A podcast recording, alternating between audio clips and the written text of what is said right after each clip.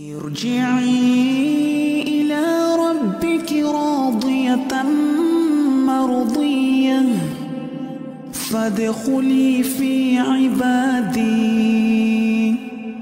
وادخلي جنتي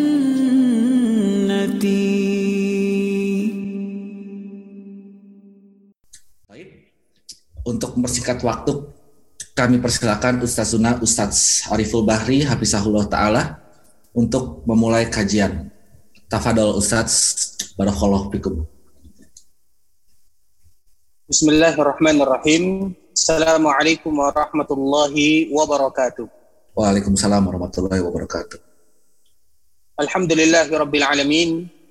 Wassalatu wassalamu ala asyrafil anbiya'i wal mursalin wa ala alihi wa ashabihi wa man tabi'ahum bi ihsanin ila yaumiddin amma ba'du. Alhamdulillah kita senantiasa bersyukur kepada Allah Subhanahu wa taala yang masih melimpahkan rahmat dan karunia kepada kita semua terutama nikmat iman dan nikmat Islam. Semoga Allah Subhanahu wa taala senantiasa memberikan kepada kita istiqamah di dalam agama. Kita hidup dalam keadaan beriman kepada Allah. Kita pun wafat dalam keadaan berserah diri kepada Allah Subhanahu wa taala dengan membawa nikmat iman dan Islam tersebut. Kemudian salawat beriringkan salam semoga tetap tercurahkan buat baginda Rasulullah sallallahu alaihi wasallam. Allahumma salli ala Muhammad wa ala ali Muhammad kama sallaita ala Ibrahim wa ala ali Ibrahim innaka Hamidum Majid. Allahumma barik ala Muhammad wa ala ali Muhammad kama barakta ala Ibrahim wa ala ali Ibrahim innaka Hamidum Majid. Sebelum kita memulai kajian, kami mengucapkan jazakumullahu khaira terkhusus kepada sahabat ilmu Darmais. Semoga Allah Subhanahu wa taala senantiasa memberikan penjagaan rahmat kepada kita semuanya dan secara umum kepada kita kaum muslimin. Semoga kita tetap semangat belajar agama Allah Subhanahu wa taala. Karena dengan agama kita hidup dan dengan agama pula kita bertemu dengan Allah Subhanahu wa taala. Karena sebagaimana yang sering kita sebutkan, belajar agama Allah Subhanahu wa taala bukanlah pilihan, namun merupakan kewajiban kepada kita semua untuk belajar agama Allah Subhanahu wa taala dan fardu ain hukumnya kita belajar agama Allah Subhanahu wa taala dan tujuan daripada pelajaran agama atau belajar agama adalah semakin kita dekat dengan Allah Subhanahu wa taala. Ikhwatul Islam, Bapak Ibu, Bapak dokter, Bapak profesor, dan saudara kaum muslimin rahimani wa rahimakumullah. Pada kesempatan yang berbahagia ini, kita akan belajar tentang bab atau poin yang kedua yang disebutkan oleh Imam Al-Muzani yang meninggal pada tahun 264 Hijriah, yaitu yang berkaitan dengan qada dan qadar.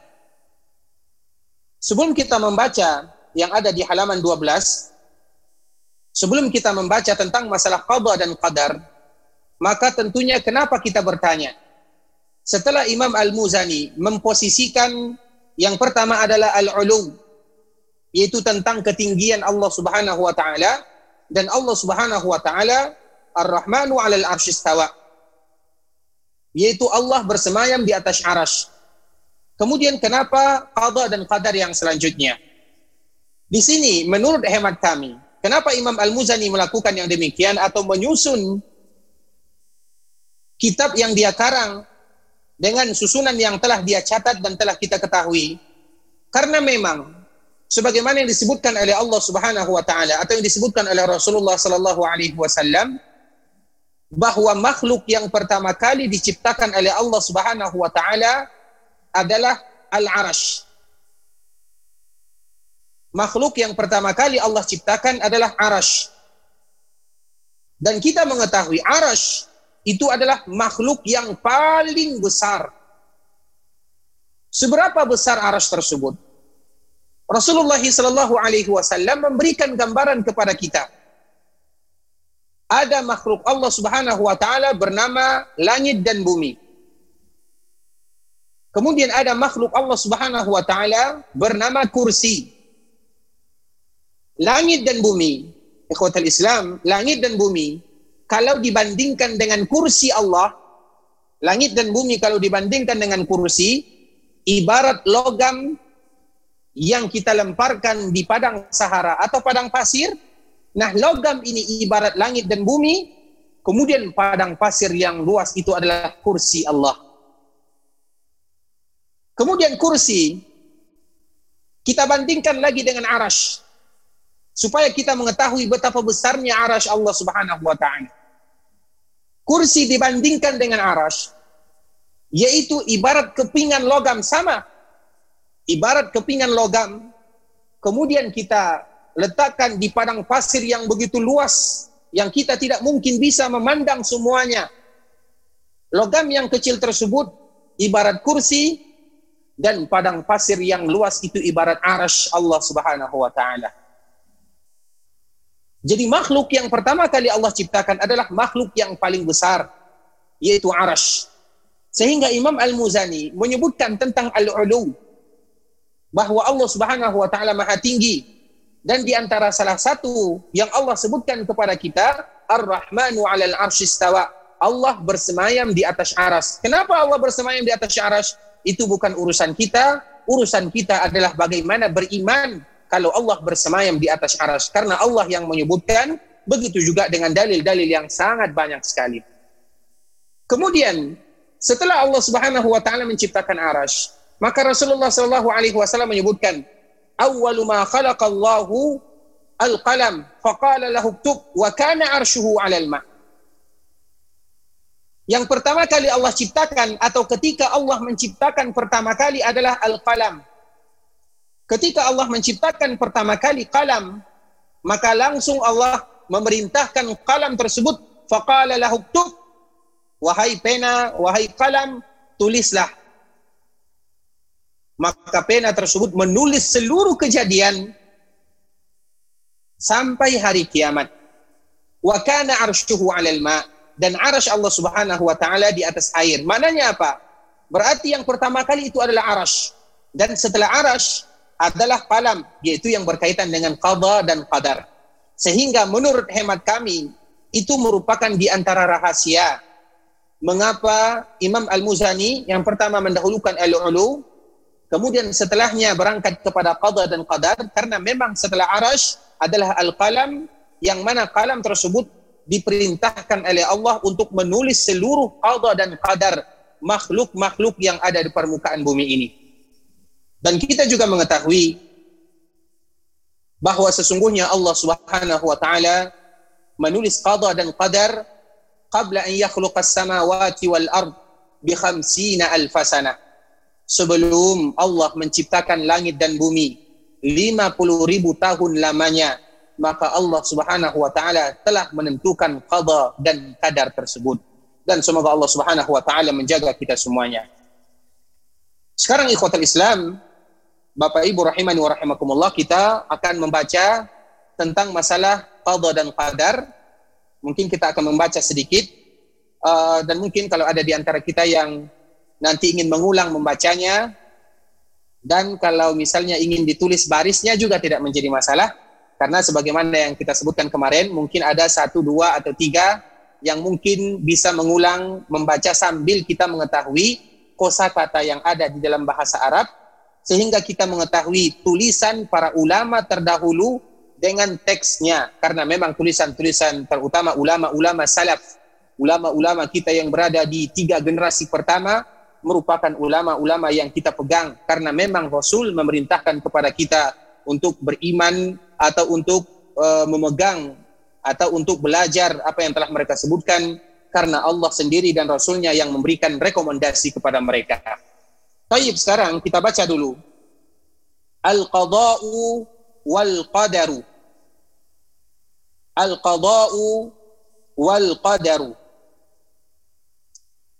Fal khalqu amiluna bisabiqi ilmihi. Fal khalqu amiluna bisabiqi ilmihi.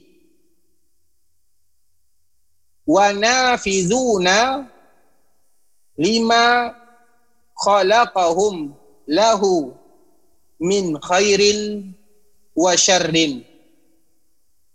wa nafidhuna lima khalaqahum lahu min khairin wa syarrin la yamlikuna li anfusihim la yamlikuna li anfusihim min at-ta'ati naf'an. Min at-ta'ati naf'an. Wala yajiduna ila sarfil ma'siyati anha daf'a. La yajidun wa la yajiduna ila sarfil ma'siyati anha daf'a. Kita ulang sekali lagi karena ini hanya dua baris saja sedangkan kalimat-kalimat yang ada di bawah itu uh, tulisan kami pribadi yang tidak perlu dibaca jadi yang terpenting adalah yang disebutkan oleh Imam Al-Muzani, fal khalqu al-qada'u wal qadar. Fal khalqu amiluna bisabiqi ilmihi wa nafizuna lima khalaqahum lahu min khairin wa syarrin. Yamlikuna li anfusihim min at-ta'ati naf'a wala yajiduna ila sarfil ma'siyati anha daf'a. Artinya al-qadha wal qadar, qadha dan qadar. Sekarang kita baca arti secara tekstual. Fal khalqu makhluk atau makhluk ciptaan Allah Subhanahu wa taala al khalqu amilun mereka melakukan amilun yaitu mereka melakukan bisabiqi. Bi artinya dengan sabiq yaitu sesuatu yang terdahulu. Ilmihi ilmihi artinya adalah ilmu, ilmu Allah Subhanahu wa taala. Wa nafizuna dan mereka melaksanakan lima terhadap apa-apa khalaqahum yaitu yang Allah menciptakan mereka. Lahu baginya min dari khairin kebaikan wa dan juga kejelekan. La yamlikuna mereka tidak memiliki. Li anfusihim untuk diri mereka minat ta'ati dari ketaatan minat ta'ati dari ketaatan naf'a yaitu manfaat. Wala yajiduna dan mereka tidak mendapatkan ila kepada sarfi penyelewengan. Al maksiyah itu maksiat anha. Anha artinya darinya daf'an. Daf'an itu artinya penolakan. Itu arti secara huruf atau secara uh, tekstual atau secara letterlek Sedangkan arti secara umum al-qadha wal qadar yaitu qadha dan qadar. Fal khalqu amiluna bisabiqi ilmihi. Sesungguhnya makhluk melakukan sesuai dengan ilmu Allah yang telah terdahulu. Wa nafizuna lima khalaqahum lahu min khairin wa syarr. Dan mereka pasti melaksanakan untuk apa Allah menciptakan mereka, baik itu berupa kebaikan ataupun berupa kejelekan. La yamlikuna li anfusihim min at-ta'ati naf'a. Dan Allah Subhanahu wa taala tidak mendapatkan manfaat sedikit pun dari ketaatan makhluknya. Wala yajiduna ila sarfil ma'siyati anha daf'a. Dan juga tidak mendapatkan kemudaratan ketika seorang hamba melakukan maksiat atau ketika seseorang terjatuh ke dalam kemaksiatan maka tidak memberikan uh, mudarat kepada Allah Subhanahu wa taala. Itu uh, pembahasan atau teks yang disebutkan oleh Imam Al-Muzani. Sekarang kalau seandainya ada di antara uh, Bapak kita atau di antara peserta yang ingin mencoba untuk membacanya, kami persilahkan sebelum kita menjelaskan sedikit tentang qada dan qadar karena pembahasan qada dan qadar ini termasuk pembahasan yang penting di dalam akidah Islam. Barakallahu fikum. Kalau ada di antara kita yang ingin membacanya, uh, kami persilahkan. Barakallahu fikum. Uh, khair Ustadz. Uh, ini dari Pak Kamal. Baik. Bisa dibantu. Gitu Silakan. Ya. Bismillah. Bismillah. Bismillahirrahmanirrahim. Fal khalqu amiluna bisabiqi ilmi wa nafidhu nalima khalaqahum lahu min khairin wa syarrin la yamlikuna la anfusihim minat ta'at li anfusihim. Li anfusihim minat ta'ati naf'an. Wala yajiduna ila sarfi. Wala yajiduna ila sarfil ma'siyati anha daf'a. Bisa dibaca artinya Pak Kamal barakallahu fikum? Uh, se- seluruh makhluk melakukan uh, uh, pasti melakukan apa yang telah Allah ketahui sebelumnya.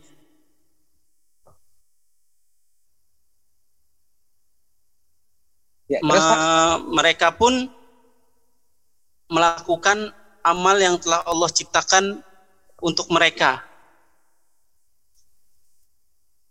Yang baik, min yang baik maupun yang buruk. Mereka tidak memiliki manfaat bagi diri mereka dalam bentuk ketaatan. Sebagaimana mereka pun tidak mampu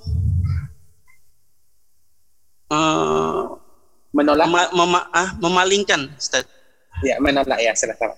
Maksiat dari diri mereka ya Allah Masya mencipta- ya Eh, sampai di situ ya. Barakallahu fikum Pak Kamal ya. Barakallahu fikum. Semoga Allah menjaga Bapak dan keluarganya. Barakallahu fikum. amin Masya Allah, Masya Allah. Baik, kalau ada yang lain, kami persilahkan.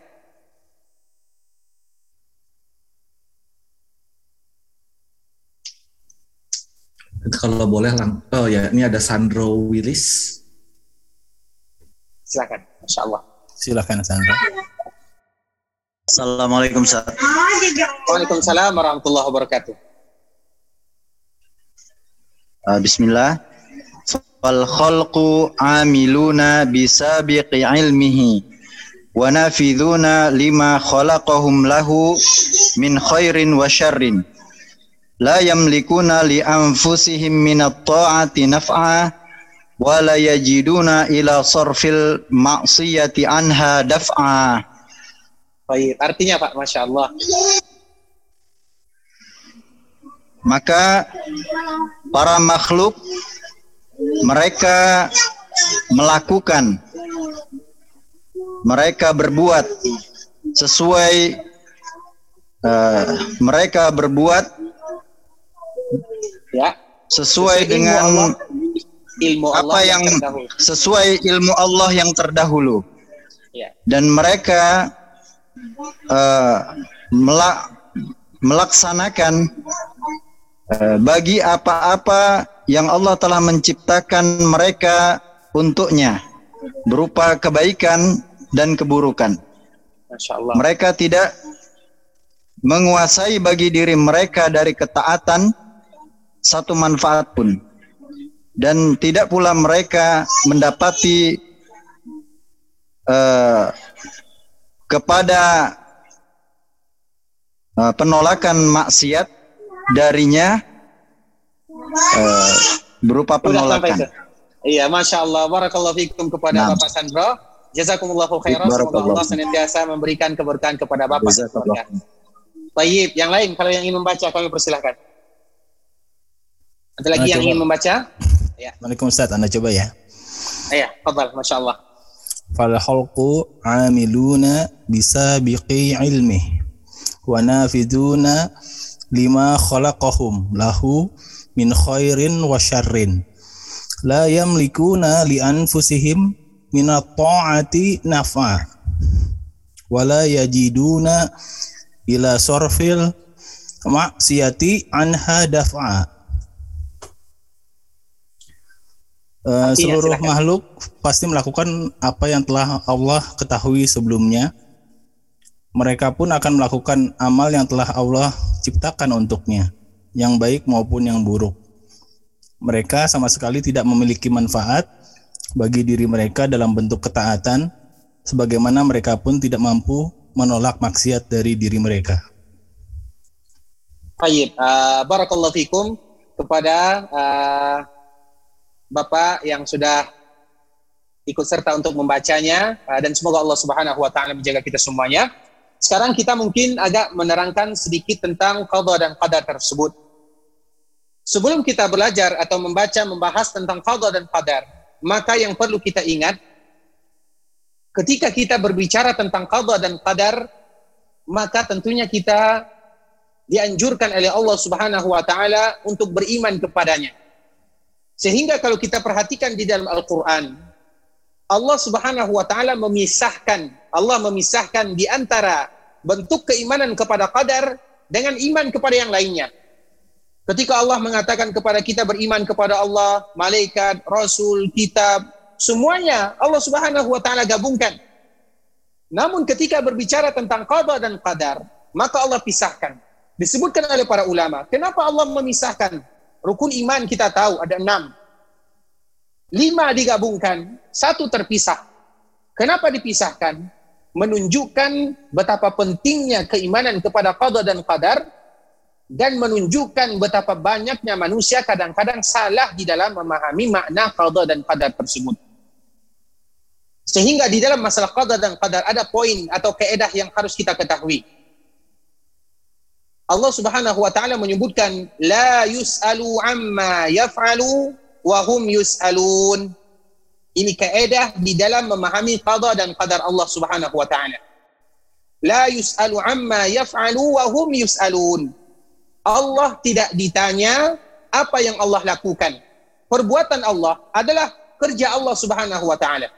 Dan tidak berhak atau tidak pantas seorang hamba bertanya kenapa Allah melakukan ini. Itu kaidah terutama di dalam masalah qada dan qadar. Tidak boleh kita bertanya kenapa Allah melakukan ini. La yus'alu amma yaf'al. Allah tidak ditanya tentang apa yang Allah lakukan. La yus'alu amma yaf'al wa hum yus'alun. Akan tetapi yang ditanya itu adalah kita sebagai makhluk, apa yang sudah kita lakukan dan apa yang sudah kita kerjakan. Apabila kita memahami ayat yang singkat yang ini merupakan kaedah di dalam memahami qada dan qadar maka aman kehidupan kita. Kenapa? Karena sesuatu perbuatan Allah Subhanahu wa taala kita tidak bertanya. Terutama di antaranya adalah masalah qada dan qadar. Kita tidak ditanya kenapa Allah melakukan ini? Kenapa Allah melakukan itu? Kenapa Allah membuat ini? Kenapa Allah membuat itu? La yus'al. Allah tidak ditanya. Wahum yus'alun tetapi kita sebagai makhluk yang ditanya. Dan itu adalah sesuatu kewajaran, wajar. Karena kita adalah seorang hamba. Kita ini adalah Abdullah. Kita ini adalah hamba Allah Azza wa Jal. Yang mana kita akan ditanya oleh Allah Subhanahu wa Ta'ala tentang apa yang kita lakukan. Apakah kita melakukan ketaatan yang diperintahkan oleh Allah? Apakah kita meninggalkan kemaksiatan yang dilarang oleh Allah Subhanahu wa Ta'ala? Itu yang akan ditanya bukan kita bertanya tentang apa yang Allah lakukan dan di antara salah satunya adalah masalah qada dan qadar. Makanya kita melihat kenapa ada hamba yang kaya, kenapa ada yang miskin, kenapa ada yang tinggi, kenapa ada yang rendah, kenapa ada yang putih, kenapa ada yang hitam. Itu semua adalah tugas dan kerja Allah Subhanahu wa taala. Dan kita tidak akan menghabiskan umur kita tentang apa yang Allah lakukan karena tidak akan sampai pemikiran kita.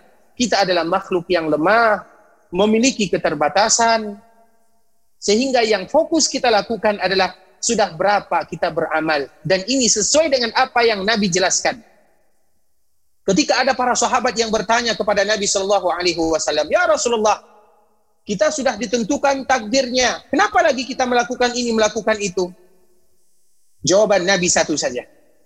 I'malu, i'malu, fakullun muyassarun lima khuliqalah.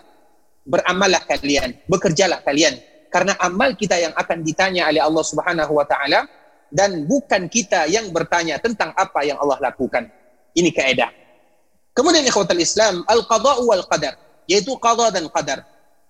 Apa sih makna daripada qada dan qadar? Kita mengetahui qadar itu adalah bahasa kita. Qadar itu adalah mengkadar atau mentakar. Jadi di sini ada dua istilah yang senantiasa kita dengar. Yang pertama qada dan yang kedua kadar. Kita contohkan. Seperti misalnya seorang dokter dia sedang mengkadar-kadar obat yang akan diberikan kepada pasiennya. Berapa dosis yang harus diberikan, berapa kali harus diminum dalam satu hari. Itu namanya mengkadar. Dikadar-kadar.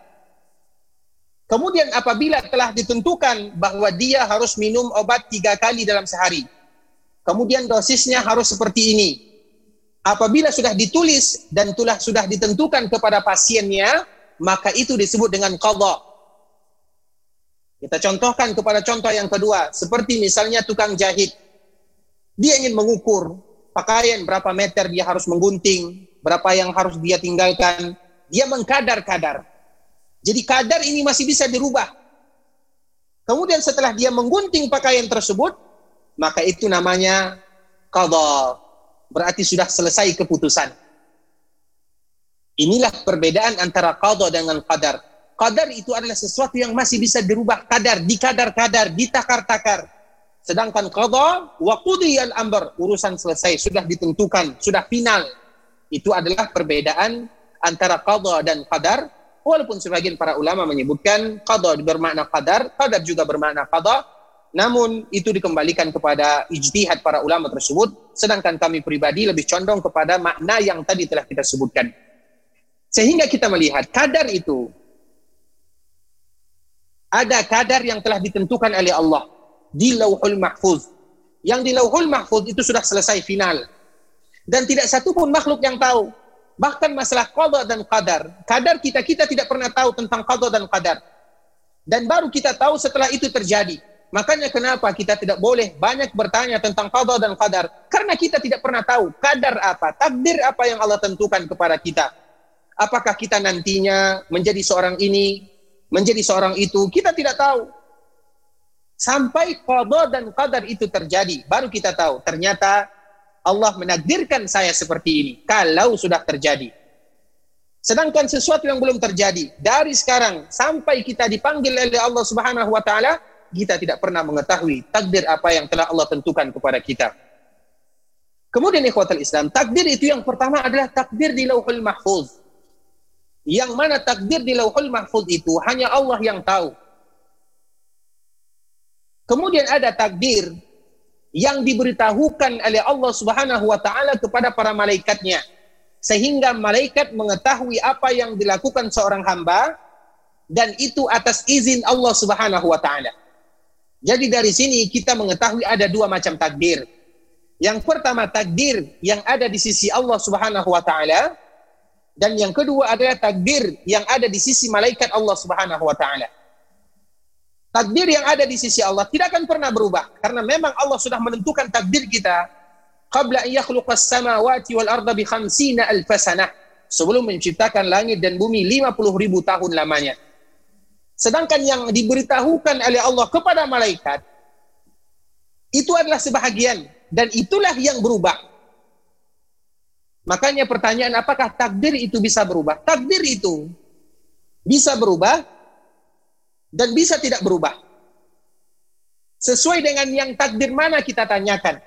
Apabila yang kita tanyakan adalah takdir yang Allah beritahukan kepada malaikatnya. Karena memang Allah menugaskan beberapa malaikat untuk mencatat amal kita, untuk menentukan bagaimana keadaan kita. Setiap kita punya malaikat, atau setiap kita punya malaikat yang akan mencatat atau menjaga. Dan Allah memberitahukan kepada malaikat tersebut tentang hambanya Nah, apabila takdir ini yang kita tanya, maka ini bisa berubah. Karena itu di tangan malaikat Allah Subhanahu wa taala. Sedangkan apabila kita bertanya tentang takdir yang ada di sisi Allah Subhanahu wa taala yang berada di Lauhul Mahfuz, maka itu takdir yang tidak akan pernah berubah.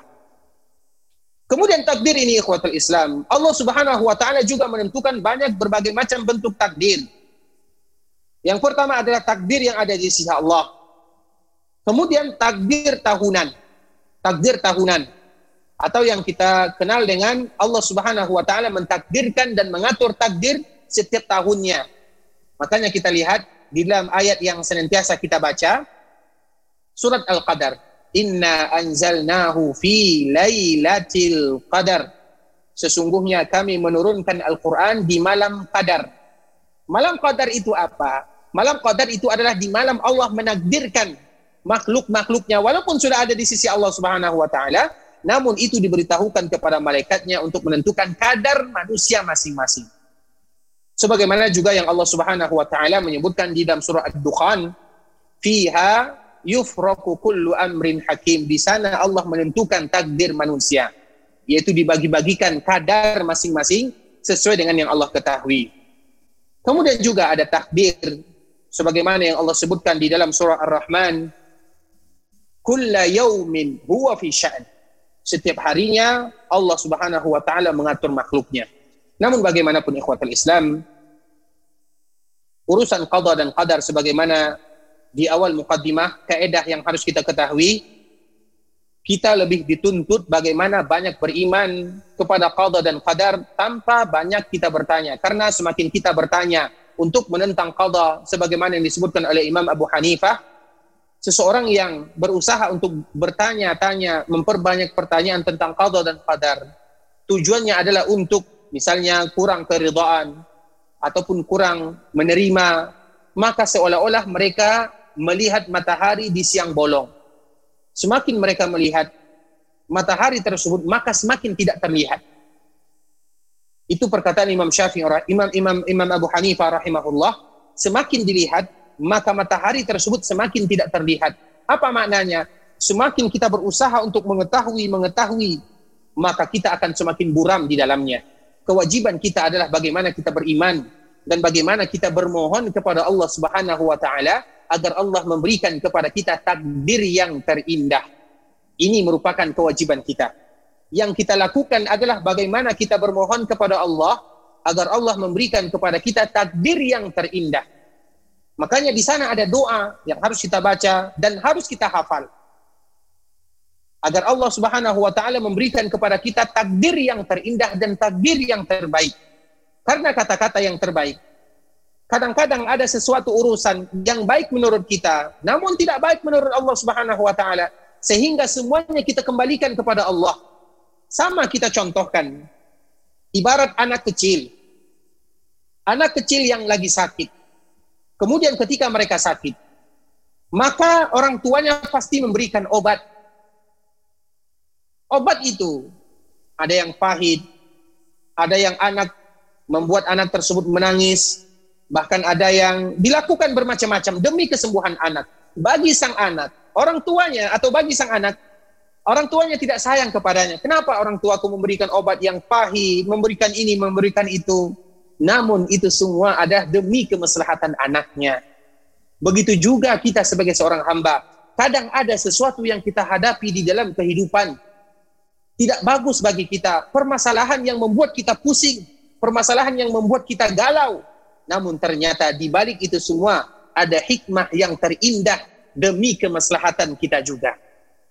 Makanya apa yang harus kita lakukan ikhwatal Islam tidak lain tidak bukan adalah meminta, memohon kepada Allah Subhanahu wa taala agar seluruh takdir yang Allah berikan kepada kita adalah takdir yang terbaik.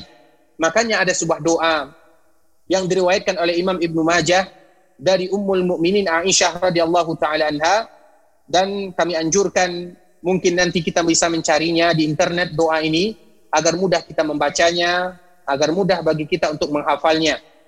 Apa doa yang tadi telah disebutkan Allahumma inna nas'aluka minal khairi kullih ajilihi wa ajilih. Ma alimtu minhu wa ma lam a'lam. Wa a'udzu bika minasy syarri kullih ajilihi wa ajilihi. Ma alimtu minhu wa ma lam a'lam.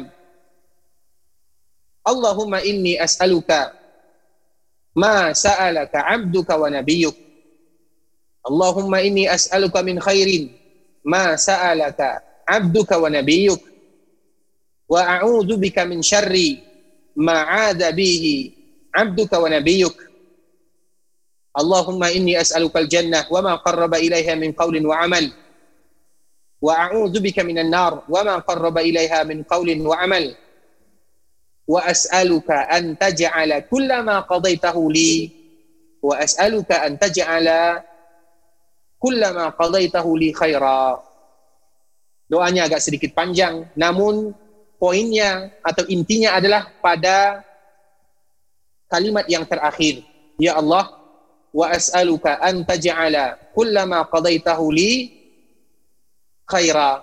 Alhamdulillah ini sudah diberikan uh, di antara uh, lafaznya atau doanya yang mana nanti bisa kita membaca dan yang terpenting daripada doa itu semuanya penting. Semuanya adalah doa yang penting yang harus kita baca karena bagaimanapun ini merupakan doa yang maksur dari Nabi sallallahu alaihi wasallam. Namun poin yang terpenting adalah dia berada di atas atau di bawah kalimatnya atau kalimat yang ada di bawah wa as'aluka an taj'ala kulla qada'in qadaitahu li khaira ya Allah aku bermohon kepadamu seluruh takdir yang telah engkau berikan kepadaku semuanya adalah yang terbaik jadi doa ini ikhwatal Islam, Bapak Ibu rahimani wa rahimakumullah, doa yang harus senantiasa kita baca, kita baca agar takdir kita di dalam kehidupan merupakan takdir yang baik.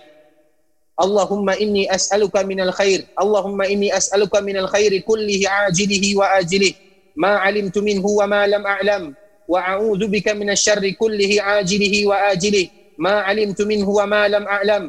Allahumma inni as'aluka min khairin ma sa'ala abduka wa nabiyyuka wa a'udzu bika min syarri ma aada bihi 'abduka wa nabiyyuk Allahumma inni as'aluka jannata wa ma qarraba ilaiha min qawlin wa amal. Wa a'udzu bika minan nari wa ma qarraba ilaiha min qawlin aw amal. Wa ini merupakan doa ikhwatul Islam yang kita berusaha untuk membacanya. Kalau kita tidak hafal mungkin kita tempelkan di dinding di rumah di sayara atau di mobil kita di tempat-tempat yang mana kita senantiasa melihatnya di meja kita Intinya kita bermohon kepada Allah siang dan malam agar kita diberikan takdir yang terbaik dan itu adalah kewajiban kita di samping kita juga beramal melakukan yang terbaik agar takdir kita merupakan takdir yang terbaik. Kemudian ikhwatul Islam rahimani wa rahimakumullah, kita akan masuk kepada pembahasan yang tadi telah kita sebutkan al-qada wal qadar, yaitu qada dan qadar. Imam Al-Muzani menyebutkan, "Fal khalqu 'amiluna bisabiqi ilmihi." Bahwa sesungguhnya makhluk mereka pasti melakukan sesuatu yang sudah tertulis, sesuatu yang sudah Allah ketahui. Semua perbuatan manusia tidak akan terlepas daripada ilmu Allah Subhanahu wa taala. Sehingga di antara nama dan sifat-sifat Allah Alimun Hakim, Allah Maha mengetahui dan Allah bukan hanya sekedar maha mengetahui namun bijaksana di dalam mengetahui sesuatu. Fal khalqu amiluna bisabiqi ilmi. Allah atau makhluk pasti melakukan semuanya dan itu semua tidak keluar dari catatan Allah Subhanahu wa taala. Semua yang kita lakukan. Wa nafizuna lima khalaqahum lahu min khairin wa syarr dan juga mereka melaksanakan semuanya kebaikan ataupun keburukan semuanya telah ditulis oleh Allah Subhanahu wa taala dan keedah di dalam masalah kebaikan dan kejahatan. Semua kebaikan disandarkan kepada Allah Subhanahu wa taala dan semua kejelekan tidak disandarkan kepada Allah namun disandarkan kepada makhluk yang melakukan dan secara umum kebaikan dan kejahatan tersebut adalah di antara bagian ciptaan Allah Subhanahu wa taala. Itu poin yang harus kita ketahui. Bukan berarti Allah menginginkan keburukan tidak. Karena kita seperti misalnya ketika kita ingin melakukan sesuatu, kami misalnya ingin mengambil sebuah kitab. Kami mengambil sebuah kitab. Kita sadar ketika kita mengambil kitab ini, tidak ada yang memaksa kita. Kita mengambil kitab, tidak ada yang memaksa. Kemudian kita letakkan kitab tersebut, juga tidak ada yang memaksa. Begitu juga kebaikan. Kita merasa bahwa kita ini diberikan kebebasan oleh Allah Subhanahu wa taala. Walaupun semua yang kita lakukan sudah ditulis oleh Allah Subhanahu wa taala. Sehingga ketika kita ingin melakukan ibadah, kita sholat, atau ada orang yang Allah tidak melaksanakan ibadah sholat, tidak ada di antara mereka yang merasa terpaksa. Allah Subhanahu wa taala memberikan pilihan. Ini kebaikan, lakukan, aku akan memberikan surga kepada kalian. Ini kejelekan, ini kemaksiatan, tinggalkan. Kalau kalian melakukan, maka akan aku berikan kepada kalian neraka. Allah menyebutkan demikian. Barang siapa yang melakukan kebaikan, hadiah surga untuknya. Barang siapa yang melakukan kemaksiatan, Allah ancam dengan neraka. Allah memberikan kepada kita pilihan sehingga kita tidak ada yang merasa terpaksa. Makanya tidak boleh kita berhujah kepada qada dan qadar. Maknanya apa ikhwatul Islam? Maknanya adalah ketika misalnya kenapa kamu tidak melaksanakan ibadah salat? Kenapa kamu tidak berzakat? kenapa kamu tidak melakukan kebaikan? Ada sebahagian saudara kita yang mengatakan ini sudah takdir Allah. Ini sudah takdir Allah Subhanahu wa taala. Maka tidak boleh kita mengatakan yang demikian. Itu namanya berhujjah dengan takdir. Kemudian ikhwatal Islam, la yamlikuna li anfusihim min at-ta'ati naf'a wa la yajiduna ila sarfil ma'siyati anha daf'a. Barakallahu fikum. Uh, kita lanjutkan. Ya, silakan Ustaz. La yamlikuna li anfusahum min at-ta'ati naf'a wa la yajiduna ila sarfil ma'siyati anha daf'a. Yaitu ketika seseorang melaksanakan kebaikan, tentunya kebaikan tersebut sudah dituliskan oleh Allah Subhanahu wa taala. Begitu juga sesuatu keburukan yang mereka lakukan semuanya sudah tertulis namun kaedah secara umum ketika kebaikan kita sandarkan kepada Allah, namun kejahatan tidak disandarkan kepada Allah Subhanahu wa taala. Ikhwatal Islam, Bapak Ibu rahimani wa rahimakumullah, sahabat ilmu Darmais secara khusus, kemudian kaum muslimin secara umum, semoga Allah Subhanahu wa taala menjaga kita semuanya. Mungkin sampai di sini poin-poin yang bisa kita sampaikan tentang masalah qada dan qadar dan uh, kita masuk kepada sesi yang kedua. Kalau seandainya ada di antara kita yang ingin bertanya, baik itu secara tertulis, secara lisan ataupun secara tulisan, maka kami persilahkan. Barakallahu fikum wa jazakumullahu khairan. Barakallahu fikum. Jazakumullah khairan khatsiran Ustaz atas pemaparan materinya yang sangat bermanfaat. Kalau boleh kita sekarang lanjut ke pertanyaan. Insya Allah akan kami bacakan yang ada di kolom chat. Sembari menunggu, kalau boleh eh, saya izin bertanya Ustadz mengenai uh, tadi yang kita bacakan bersama. Uh, kalau nggak salah, uh, pengertian bahasa Indonesianya itu ada yang uh, tidak mempunyai kekuasaan untuk mendapat manfaat dalam berbuat uh, baik, ya Ustadz ya. Namun di kalimat setelahnya itu kalau nggak salah juga tidak mampu untuk menolak uh, apa untuk menolak hal-hal yang uh, memalingkan mereka dari maksiat itu uh, mungkin bisa dijelaskan lebih jelas Ustadz karena kok tampaknya seperti bertolak belakang begitu Ustadz. Jadi tampaknya kita benar-benar nggak ada, ya maksudnya kita nggak bisa memilih jadinya begitu Ustadz. Ya, ya barakallahu fikum jazakumullah khairan. Barakallahu fikum kepada uh, Bapak dokter yang bertanya semoga Allah Subhanahu wa taala menjaganya, merahmatinya dan memberikan keberkahan dalam kehidupannya. Memang poin yang ketiga ini atau poin yang terakhir atau kalimat yang terakhir yang disebutkan oleh Imam Al-Muzani sebenarnya itu tergantung kepada penterjemah. Sebenarnya itu tergantung kepada penterjemah. Namun kalau seandainya kita bacakan bahasa Arab, maka uh, mudah bagi kita untuk memahaminya. Namun itu dikembalikan kepada penterjemah. Itu poin yang pertama. Poin yang kedua, itu lebih identik kepada amalan seorang hamba. Karena di dalam masalah ini, sebagaimana yang kita sebutkan kemarin, kenapa Imam Al-Muzani mengarang kitab Syarh Sunnah? Karena rata-rata kitab akidah yang dikarang oleh para ulama, terutama abad-abad pertama, abad kedua, atau abad ketiga Hijriyah, itu karena ada kelompok-kelompok yang sudah menyimpang, kelompok-kelompok yang sudah mereka keluar dari manhaj ahlus sunnah wal jamaah, terutama di dalam masalah akidah. Karena memang akidah itu adalah pelajaran yang termudah.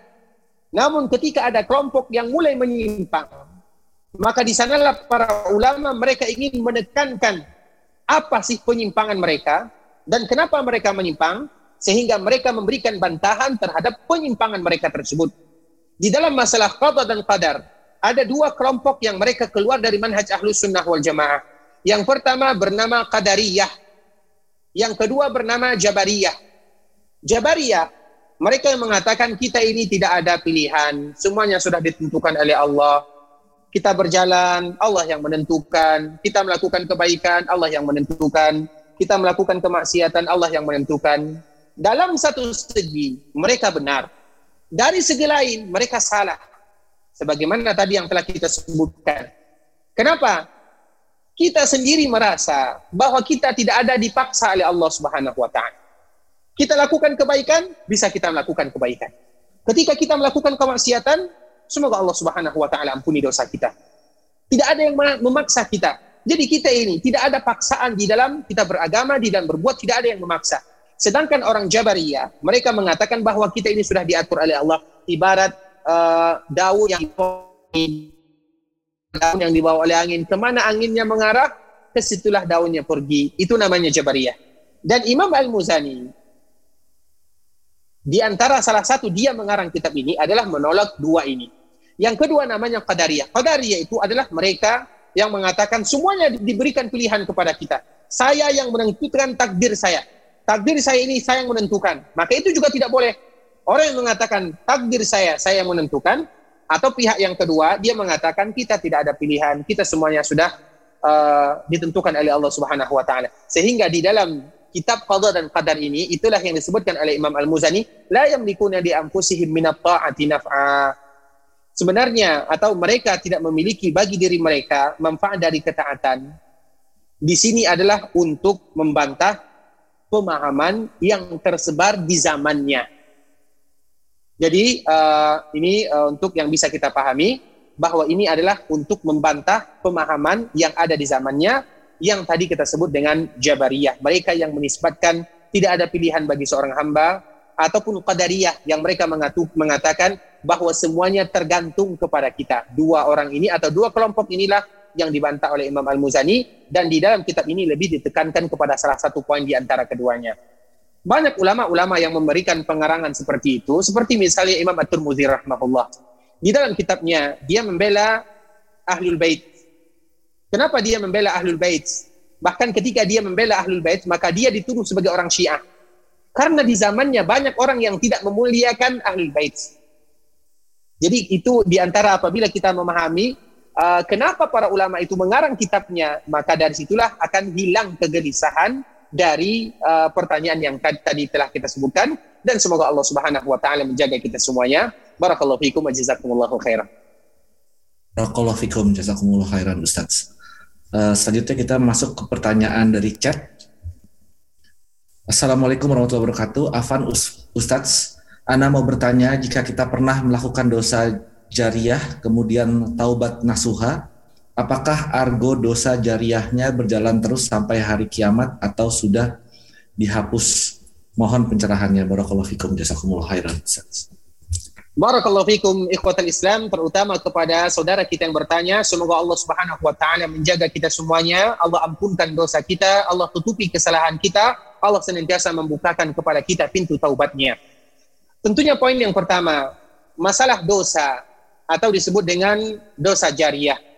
Memang ada sebahagian kalimat yang disebutkan oleh Rasulullah sallallahu alaihi wasallam bahwa mereka yang memulai dosa memulai dosa yang belum pernah dilakukan oleh sebahagian kaum muslimin kemudian kaum muslimin menirunya mencontohnya maka itu disebut dengan dosa dan dia tetap akan mendapatkan dosanya selama orang lain mengikuti apa yang dia lakukan namun kata-kata jariah ini tentunya kami kami pribadi uh, kita lebih identik kepada yang amalan-amalan soleh yang kita sebut dengan jariah. Kenapa?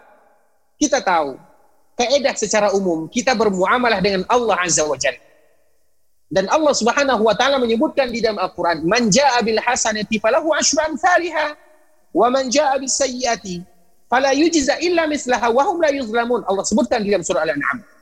Barang siapa yang melakukan kebaikan, Allah lipat gandakan 10 kali lipat 20 kali lipat sampai 700 kali lipat bahkan sampai berlipat-lipat ganda karena memang kita bermuamalah dengan zat yang maha rahman maha rahim kemudian sebaliknya waman jaa bis sayyi'ah barang siapa yang melakukan kesalahan fala yujza illa mislaha maka Allah tidak memberikan kepada mereka balasan kecuali apa yang telah mereka perbuat maknanya Allah itu maha rahman Allah tidak akan pernah melakukan kezaliman terhadap seorang hamba karena memang Allah mengharamkan kezaliman untuk dirinya. Allah haramkan kezaliman untuk dirinya. Maknanya apa? Ketika seorang hamba melakukan kesalahan dan semua kita melakukan kesalahan. Apabila dia yang membuka pintu kesalahan tersebut, dia yang membuka pintu kesalahan tersebut, maka dikhawatirkan ketika dia tidak bertobat, dia akan mendapatkan dosa orang yang melakukan karena dirinya.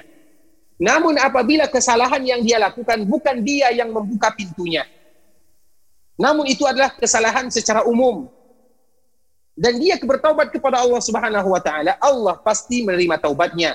Sehingga kalimat-kalimat dosa jariah ini uh, kami tidak tahu Allah taala alam kenapa menyebutkan dosa jariah karena memang di dalam lafaz kita berhusnudzan dan kita lebih berharap kepada Allah Subhanahu wa taala dengan sedekah atau amalan jariah. Sedangkan dosa tentunya Allah tidak memberikan balasan kecuali sesuai dengan apa yang dilakukan oleh seorang hamba. Bagaimanapun intinya, seorang yang sudah bertaubat kepada Allah walaupun kadang-kadang ada dosa yang dilihat oleh manusia seperti misalnya dosa dia pamer kecantikan, foto yang mungkin dia membuka aurat atau dia misalnya dulu seorang penyanyi kemudian nyanyiannya dinikmati oleh kaum muslimin. Kemudian ketika dia bertaubat kepada Allah Subhanahu wa taala maka Allah akan menerima taubatnya dan Allah akan menutupi segala kesalahannya dan tidak akan memberikan dosa walaupun masih ada orang yang melakukannya. Jangankan kemaksiatan. Dosa yang paling besar adalah kesyirikan diterima oleh Allah Coba kita lihat bagaimana para sahabat. Mereka berada di dalam zaman jahiliyah. Mereka berada di dalam masa kemusyrikan. Ketika mereka masuk ke dalam agama Islam, Allah hapuskan semuanya. Apalagi kalau seandainya itu adalah dosa yang tidak ada hubungannya dengan kekufuran ataupun kesyirikan, namun itu adalah dosa. Dan kita juga sadar, kita adalah hamba yang penuh dengan dosa dan maksiat. Namun di samping itu juga, kita harus melakukan hal-hal yang akan membuat kita dihapuskan dosanya. Sebelum kita menyelesaikan pertanyaan ini, banyak hadis-hadis atau banyak doa zikir yang mulia, yang singkat, padat, namun akan menghapuskan dosa. Kita berikan contoh. Zikir yang mudah saja. Rasulullah Shallallahu Alaihi Wasallam menyebutkan, barang siapa yang hendak tidur, kemudian dia mengucapkan, La ilaha illallah wahdahu la syarikalah, lahul mulku wa lahul hamdu, wa huwa ala kulli syai'in qadir. La hawla wa la quwwata illa billah. Subhanallah, walhamdulillah, wala ilaha illallah, wallahu akbar. Barang siapa yang mengucapkan kalimat ini, semua kita pasti hafal. Barang siapa yang mengucapkan kalimat ini, Allah hapuskan semua dosanya. Wa in kana mislu zabadil bahar. Walaupun dosanya lebih banyak atau sebanyak buih-buih yang ada di lautan. Allahu Akbar. Doa yang singkat. Barang siapa yang mengucapkan la ilaha illallah wahdahu la syarikalah lahul mulku wa lahul hamdu wa huwa ala kulli syai'in qadir. Kemudian dia mengucapkan la haula wa la quwata illa billah. Kemudian dia mengucapkan subhanallah walhamdulillah wa la ilaha illallah wallahu akbar.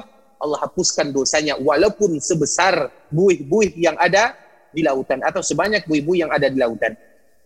Di dalam kalimat yang lain misalnya Rasulullah sallallahu alaihi wasallam menyebutkan barang siapa yang mengucapkan subhanallah wa bihamdih sebanyak 100 kali dalam sehari semalam Allah hapuskan dosanya walaupun sebanyak buih-buih yang ada di lautan. Jadi banyak ternyata amalan-amalan yang mudah namun itu semua bisa menghapuskan dosa-dosa kita bersama dan kita senantiasa berharap kepada Allah agar Allah hapuskan dosa kita, Allah tutupi kesalahan kita dan kita senantiasa kembali kepada Allah Subhanahu wa taala. Barakallahu fikum. Barakallahu fikum. Jazakallah khairan Ustaz. Uh, selanjutnya kami persilahkan kepada penanya langsung uh, Neneng Assalamualaikum Ustaz. Waalaikumsalam warahmatullahi wabarakatuh. Ustaz, kita nih sebagai orang yang beriman kita harus menerima takdir baik dan takdir buruk. Yang mau Anda tanyakan apakah kita harus tawakal dan harus berbaik sangka pada Allah agar bisa menerima takdir baik dan buruk? Mohon penjelasannya Ustaz. Yang pertama tadi anak eh, tadi yang pertama itu anak pertanyaan yang pertama dan yang keduanya yang mau Anda mau tanyakan kalau kita tidak menerima takdir tersebut, takdir baik dan takdir buruk, apakah kita termasuk kufur? Mohon pencerahannya Ustaz, jazakallah Ustaz. Barakallahu fikum kepada ibu kita yang bertanya. Semoga Allah Subhanahu wa taala menjaganya, merahmatinya, memberikan keberkahan terhadap keluarganya, hartanya dan juga memberikan keberkahan kepada kita semua. Masalah takdir baik, takdir buruk. Tentunya takdir baik, insya Allah mudah bagi kita untuk menerimanya. Allah berikan kesehatan, Allah berikan harta, Allah berikan ilmu, mudah bagi kita untuk menerimanya. Namun mungkin masalah takdir yang kurang baik bagi kita. Jadi permasalahannya, takdir yang kurang baik bagi kita menurut kita. Seperti misalnya musibah, anak yang sakit, harta yang sedikit, ketakutan, tidak ada keturunan, banyak ujian yang Allah Subhanahu wa taala berikan kepada kita. Jadi intinya intinya ikhwatul Islam, masalah tawakal, tentunya semua kita wajib bertawakal kepada Allah Subhanahu wa taala. Namun makna tawakal itu apa? Makna tawakal itu adalah bagaimana kita berdoa dan berusaha. Itu makna daripada tawakal. Nah, di dalam masalah menerima takdir, terutama yang tidak baik menurut kita, di sana ada rahasia yang terindah. Makanya sebenarnya ikhwatul Islam dan rata-rata yang dihadapi oleh manusia adalah musibah. Musibah tidak punya anak, musibah sedikit harta, anak tidak bisa sekolah, sakit ini dan itu itu adalah musibah. Namun kita harus tahu di balik itu semua ternyata ada hikmah yang sangat indah yang mungkin kita belum mengetahui di saat ini, namun suatu saat nanti Allah akan memberikan kepada kita dan kita akan mengetahui akan mengatakan, oh ternyata ini hikmahnya. Jadi kita harus yakin ikhwatul Islam, masalah takdir terutama yang berkaitan dengan musibah takdir yang kurang baik bagi kita. Kalau seandainya kita tidak mau menerima, esawi, kalau bahasa Arabnya esawi, apa yang harus kita lakukan? Kita memberontak, kita kita uh, melakukan hal-hal yang tidak diridai oleh Allah, tidak akan pernah merubah sedikit pun. Pernah suatu ketika, ketika kami bercerita dengan dosen yang belajar atau yang mengajar akidah, yang khusus dia mengajar tentang masalah qadar dan qadar. Dia diuji oleh Allah Subhanahu wa taala tidak mendapatkan keturunan 12 tahun lamanya. Dan dia seorang profesor yang jurusannya atau dia mengajar di dalam jurusan akidah. Kemudian 12 tahun lamanya diuji oleh Allah Subhanahu wa taala. Tidak mendapatkan keturunan. Kemudian setelahnya, alhamdulillah 12 tahun menunggu Allah berikan istrinya hamil. Kemudian ketika kehamilan tersebut 7 bulan lamanya atau masuk ke dalam 7 bulan, Allah ternyata mengalami keguguran. Allahu Akbar.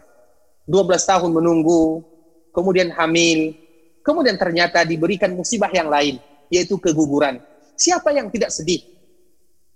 Dia mengatakan dan menceritakan kepada kita, kepada kami, kalau seandainya kita tidak menerima takdir Allah, apa yang kita lakukan? Mau berbuat apa? Kita tidak ada pilihan, maknanya kita tidak bisa melakukan apa-apa. Kita harus berserah diri kepada Allah. Di situlah kita harus memberikan kekuatan atau memperkuat diri kita dengan bermohon kepada Allah Subhanahu wa taala. Dan tidak boleh bagi kita mengatakan ya Allah kenapa harus terjadi kepadaku? Ya Allah kenapa musibah ini diberikan kepadaku? Ya Allah diberikan kenapa musibah takdir terburuk diberikan kepadaku? Itu menurut kita ikhwatul Islam itu menurut kita. Makanya di balik itu semua pasti ada hikmah yang terindah cukup bagi kita. Setiap kali mungkin menurut kita kita mendapatkan takdir yang kurang kita sukai maka kita mengucapkan sebagaimana yang diucapkan oleh Ummu Salamah Allahumma jurna atau Allahumma jurni fi musibati wa khluf li khairan minha. Allahumma jurni fi musibati wa khluf li khairan minha. Ya Allah berikan kepadaku balasan terhadap apa yang aku terima dan ganti dengan yang terbaik. Tahukah kita apa rahasia di balik cerita atau apa rahasia di balik doa yang diajarkan Nabi kepada Ummu Salamah. Ummu Salamah ini supaya kita lebih paham. Ummu Salamah dia memiliki seorang suami bernama Abu Salamah. Dan Abu Salamah merupakan laki-laki yang terbaik, suami yang terindah yang memiliki akhlak yang mulia sehingga istrinya sangat sayang kepadanya. Qadar Allah, Allah memanggil Abu Salamah. Abu Salamah meninggal Istri mana yang tidak sedih ketika ditinggal oleh suami yang paling dia sayangi? Dia bersedih, dia sedih, dia menangis sejadi-jadinya. Datanglah Rasulullah Sallallahu Alaihi Wasallam menyebutkan kepadanya, wahai Ummu Salamah, baca doa ini. Allahumma jurni fi musibati wa khuluf li khairan minha. Ya Allah, berikan kesabaran kepadaku, berikan pahala kepadaku dan ganti dengan yang terbaik. Di dalam hati, Ummu Salamah mengatakan, siapa yang lebih baik daripada Abu Salamah? Siapa yang lebih baik daripada suamiku? Namun dia mengucapkan doa yang diajarkan Nabi. Karena ini merupakan tuntunan nubuwah. Setelah habis masa iddahnya, kemudian setelah berjalan beberapa waktu lamanya, dia mendapatkan suami manusia yang paling mulia Rasulullah Sallallahu Alaihi Wasallam. Begitu juga yang harus kita katakan. Setiap kali mungkin menurut kita tidak baik, maka kita mengucapkan Allahumma ajurni fi musibati wa akhluf li khairan minha. Dan semoga Allah Subhanahu wa taala menjaga kita semuanya dan jangan lupa juga membaca doa tadi yang telah kita sebutkan wa as'aluka an taj'ala kulla qada'in qadaitahu li khaira. Barakallahu fikum wa jazakumullahu khairan. Barakallahu fikum. Jazakumullah khairan. Selanjutnya izin saya membacakan kembali pertanyaan dari chat. Assalamualaikum warahmatullahi wabarakatuh. Afan Ustadz, saya ingin bertanya, tadi Ustadz sampaikan takdir dapat berubah.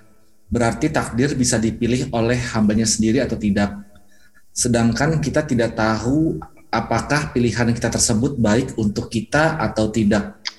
Bolehkah kita melakukan e, beristikharah meminta Allah untuk menguatkan niat kita terhadap pilihan tersebut jika memang baik atau memang buruk untuk kita atau ada saran lainnya Ustadz Jazakallah khairan atas jawabannya Barakallahu fikum kepada yang bertanya, semoga Allah Subhanahu wa taala menjaga kita bersama. Kita harus katakan bahwa takdir yang telah Allah tentukan tidak akan pernah berubah. Takdir di Lauhul Mahfuz tidak akan pernah berubah, tidak akan pernah berubah sama sekali. Namun kita tidak tahu apa yang Allah takdirkan kepada kita. Maka di sanalah ada yang namanya usaha. Ketika kita mendapatkan pilihan, ada dua pilihan atau ada tiga pilihan. Kita tidak tahu mana yang kita lakukan. Walaupun Allah sudah mengetahui apa yang akan kita pilih. Allah sudah tahu kita akan memilih A. Allah sudah tahu kita akan memilih B.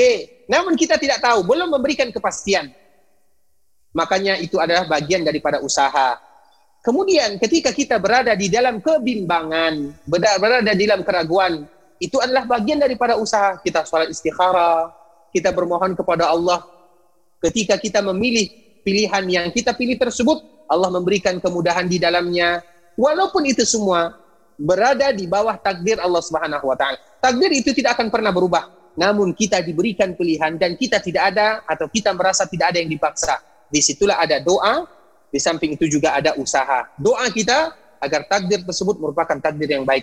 Usaha kita, kita salat, kemudian kita memikirkan sesuai dengan kemampuan kita, itu adalah bagian daripada usaha. Jadi semuanya sudah ditentukan, takdir tidak berubah, namun kita tidak tahu takdir tersebut sampai takdir itu sudah terjadi. Dan di samping itu juga kita diberikan pilihan oleh Allah atau kita diberikan bentuk berusaha bagaimana kita mencari, memikirkan yang terbaik dan kalau seandainya di luar daripada apa yang kita rencanakan, maka di sanalah kita betul-betul menyerahkan diri kepada Allah Subhanahu wa taala dan semoga Allah menjaga kita semuanya. Barakallahu fikum. Barakallahu fikum jazakumullah khairan Ustaz. Selanjutnya di pert uh, pertanyaan melalui chat juga. Assalamualaikum warahmatullahi wabarakatuh. Uh, Ustadz ingin uh, izin bertanya sejauh apa doa bisa merubah kodok dan kodar Ustadz. Barakallahu fikum jazakumullah khairan. Barakallahu fikum ikhwatal Islam. Sejauh apa doa itu bisa merubah kodok dan kodar? Seseorang yang berdoa kepada Allah juga sudah ditentukan oleh Allah Subhanahu wa taala. Seseorang yang berdoa kepada Allah, juga Allah telah menentukan hambaku nanti di umur sekian dia akan berdoa kepadaku. Kemudian ketika dia berdoa, aku akan merubah takdirnya. Baik aku akan merubah misalnya bagian daripada hartanya, aku akan merubah bagian daripada umurnya dan semuanya sudah ditulis oleh Allah Subhanahu wa. Namun kita tidak tahu. Makanya ketika kita berdoa kepada Allah, apakah takdir kita berubah atau tidak? Kita tidak tahu lakukan kewajiban kita. Apa kewajiban kita? Berdoa, meminta takdir yang terbaik. Kita bermohon kepada Allah. Sedangkan dirubah atau tidak dirubah, itu kerja Allah Subhanahu wa taala. Dan Allah juga sudah menentukan berdoanya kita juga takdir Allah Subhanahu wa taala. Jadi kita kembalikan kepada keedah bagian daripada takdir la yus'alu amma yaf'al wa hum yus'alun. Allah tidak ditanya apa yang Allah lakukan, apakah nanti Allah merubah takdir saya, Allah memberikan yang terbaik kepada saya, namun kita lakukan apa yang kita kerjakan atau lakukan yang terbaik yang Allah sukai, yaitu berdoa. Karena doa itu sendiri adalah ibadah. Barakallahu fikum. Barakallahu fikum. Jazakumullah khairan Ustaz. Sekarang kita kembali ke pertanyaan yang langsung kepada Ummu Hurairah. Dipersilakan. Assalamualaikum warahmatullahi wabarakatuh.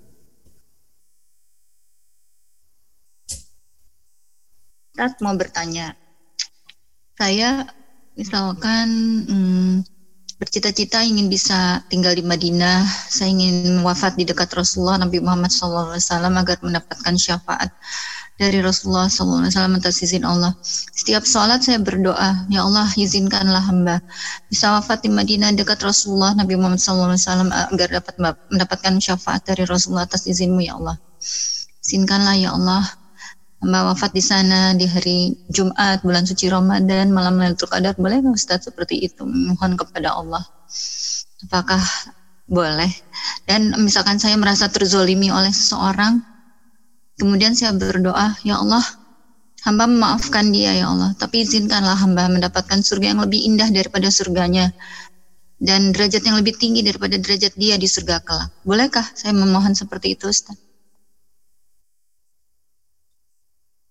Barakallahu fikum kepada uh, Ummu Hurairah. Semoga Allah Subhanahu wa taala menjaga ibu kita, memberikan taufik dan hidayah, memberikan keberkahan kepadanya, kepada keluarganya dan kepada kita semua. Untuk pertanyaan yang pertama, untuk pertanyaan yang pertama, ini sama diminta oleh Umar bin Khattab radhiyallahu taala anhu. Umar bin Khattab kita tahu, di zaman Umar bin Khattab adalah zaman keemasan yang mana zaman kaum muslimin itu berada di puncak kejayaan. Dan tidak mungkin lagi kota Madinah akan diserbu oleh musuh. Kenapa? Karena kota Madinah adalah kota di mana para sahabat dan mana pada saat itu semua kerajaan-kerajaan yang besar sudah ditaklukkan di bawah kepemimpinan Umar bin Khattab radhiyallahu taala Jadi tidak mungkin lagi ada jihad di kota Madinah.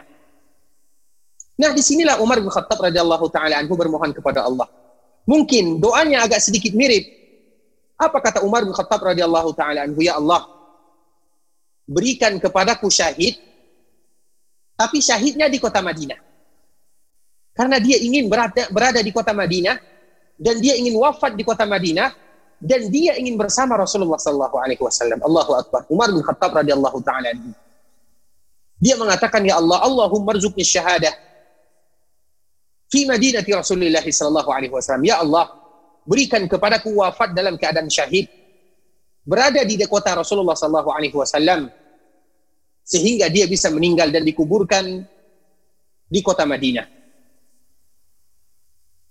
Anaknya bernama Ibnu Abdullah bin Umar radhiyallahu taala anhu dan juga Hafsah radhiyallahu taala anha bertanya kepada ayahnya, Wahai ayahanda, bagaimana mungkin ini terjadi doa ini?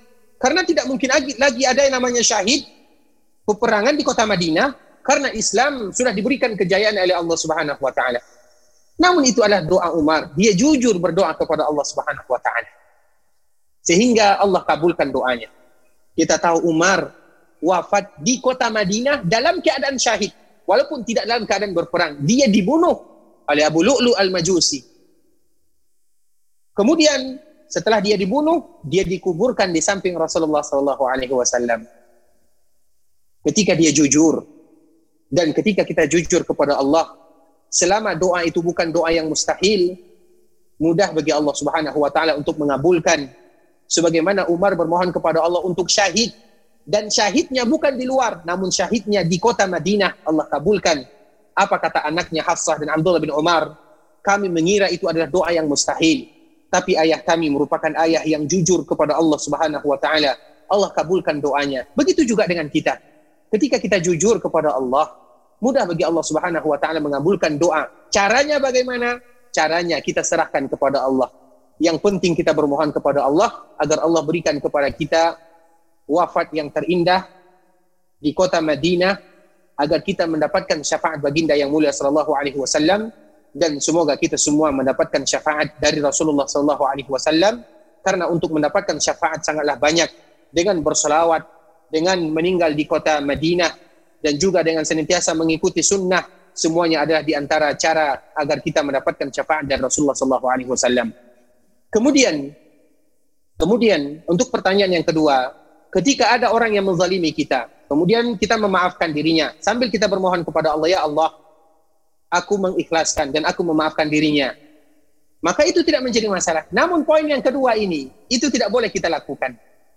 Dan tidak boleh kita ucapkan, berikan kepadaku surga yang lebih indah daripada surganya. Kenapa? Karena apabila ada orang yang terzalimi, kemudian dia memaafkan, maka secara otomatis Allah Subhanahu wa taala akan memberikan kepadanya surga yang terindah tanpa kita minta. Karena memang di dalam berdoa ada tata caranya dan kita juga tidak boleh melampaui batas di dalam berdoa. Cukup ya Allah aku maafkan dirinya karenamu ya Allah. Sedangkan masalah surga, masukkan aku ke dalam surga. Sedangkan bagaimana surga yang lebih tinggi darinya surga ini, kita tidak tahu. Bisa jadi ada amalan-amalan yang dia lakukan, amalan yang membuat dia masuk ke dalam surga, Firdaus. Kita tidak tahu.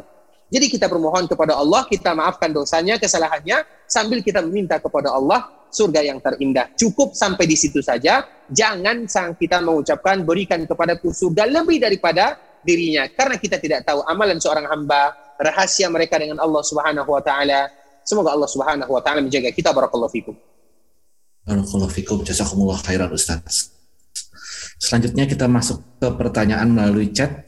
Assalamualaikum Ustaz. Afwan, saya ingin bertanya, apabila seseorang tidak menerima ketentuan yang ditetapkan oleh Allah Subhanahu wa taala, tidak menerima takdir, apakah seseorang tersebut bisa dikatakan menyimpang dari tauhid karena tidak beriman kepada koda dan qadar? Mohon pencerahannya Ustadz. Jazakumullah khairan. Barakallahu fikum. Barakallahu fikum kepada yang bertanya. Semoga Allah menjaga kita semua. Di sini ada dua poin. Yang pertama, tidak beriman kepada takdir. Yang kedua, tidak mau menerima takdir. Dan di sini berbeda. Orang yang tidak beriman kepada takdir berarti dia tidak beriman kepada rukun iman. Kita tahu mereka yang tidak beriman kepada rukun iman, maka hilang keimanannya. Bagaimana mungkin kita tidak beriman kepada takdir? Karena itu merupakan bagian daripada rukun iman. Sama saja orang yang tidak beriman kepada Rasul atau orang yang tidak beriman kepada kitab atau orang yang tidak beriman kepada hari akhirat, hilang rukun imannya. Orang yang tidak beriman kepada takdir, hilang rukun imannya. Tapi kita tidak tahu apa alasannya. Namun secara zahir, hilang keimanannya. Namun di sisi lain, ada orang yang beriman kepada takdir, namun dia tidak menerima takdir yang Allah berikan kepadanya. Ini berbeda hukumnya. Jadi ada yang tidak beriman kepada takdir, ada orang yang belum bisa menerima takdir. Orang yang bisa atau belum bisa menerima takdir tersebut, itu tergantung kepada orangnya. Apakah dia mencela Allah Subhanahu wa taala, "Ya Allah, kenapa harus aku yang dipilih atau kenapa harus aku? Kenapa? Kenapa? Kenapa?" Maka kita tidak mengatakan hilang keimanannya, namun mungkin ketawakalannya kurang dan ketakwaannya kepada Allah Subhanahu wa taala kurang dan itu tergantung kepada manusia karena setiap mereka berbeda antara satu dengan yang lainnya. Namun bagaimanapun poin yang tadi telah kita sebutkan ketika Allah menakdirkan kepada kita apa yang bisa kita lakukan? Kecuali berdoa kepada Allah baik ataupun buruk. Makanya Allah menyebutkan dalam surah Al-Baqarah asa an tuhibbu syai'an.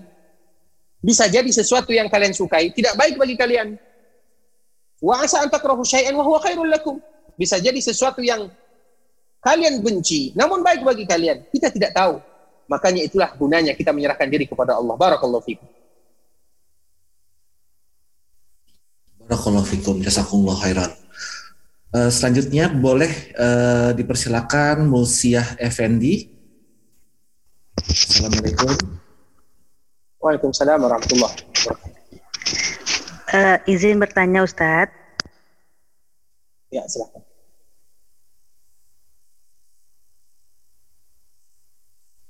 Silakan pertanyaannya.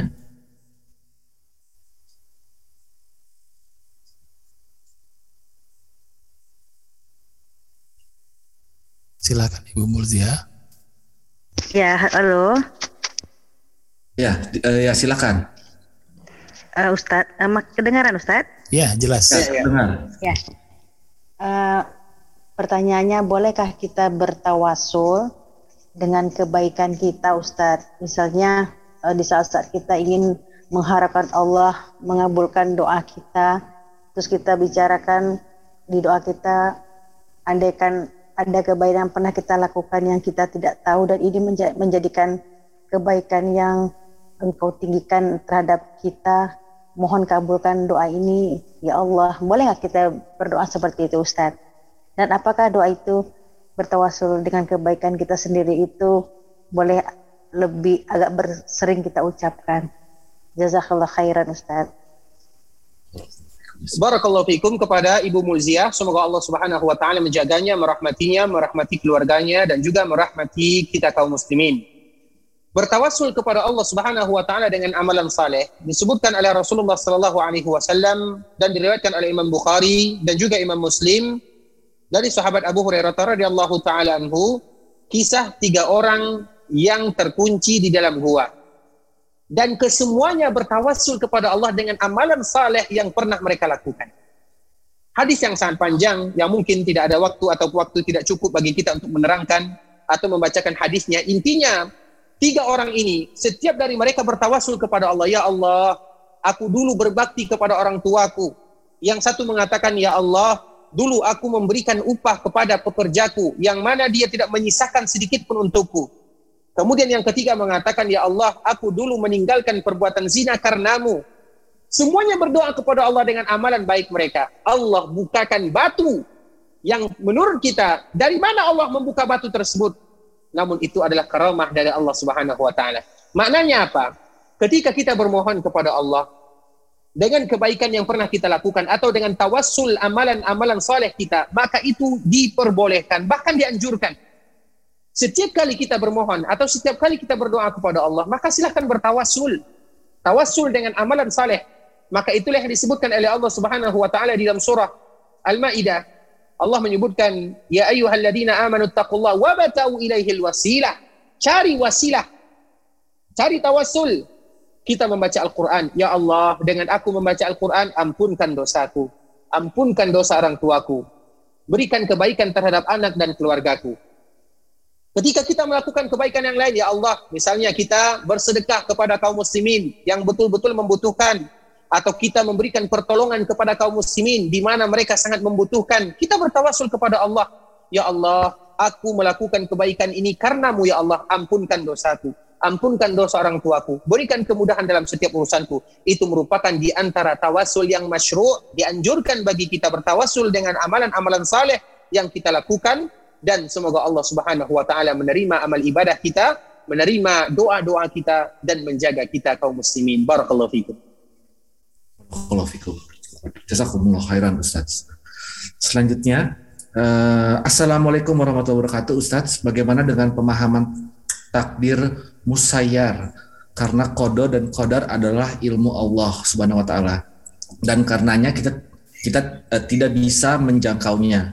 Dan takdir bisa diubah dengan doa. Mohon pencerahannya jazakumullah khairan Ustaz.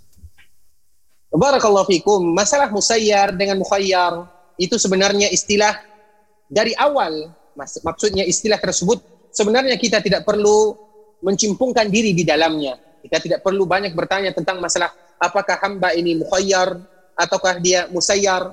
Mukhayyar itu artinya ada pilihan.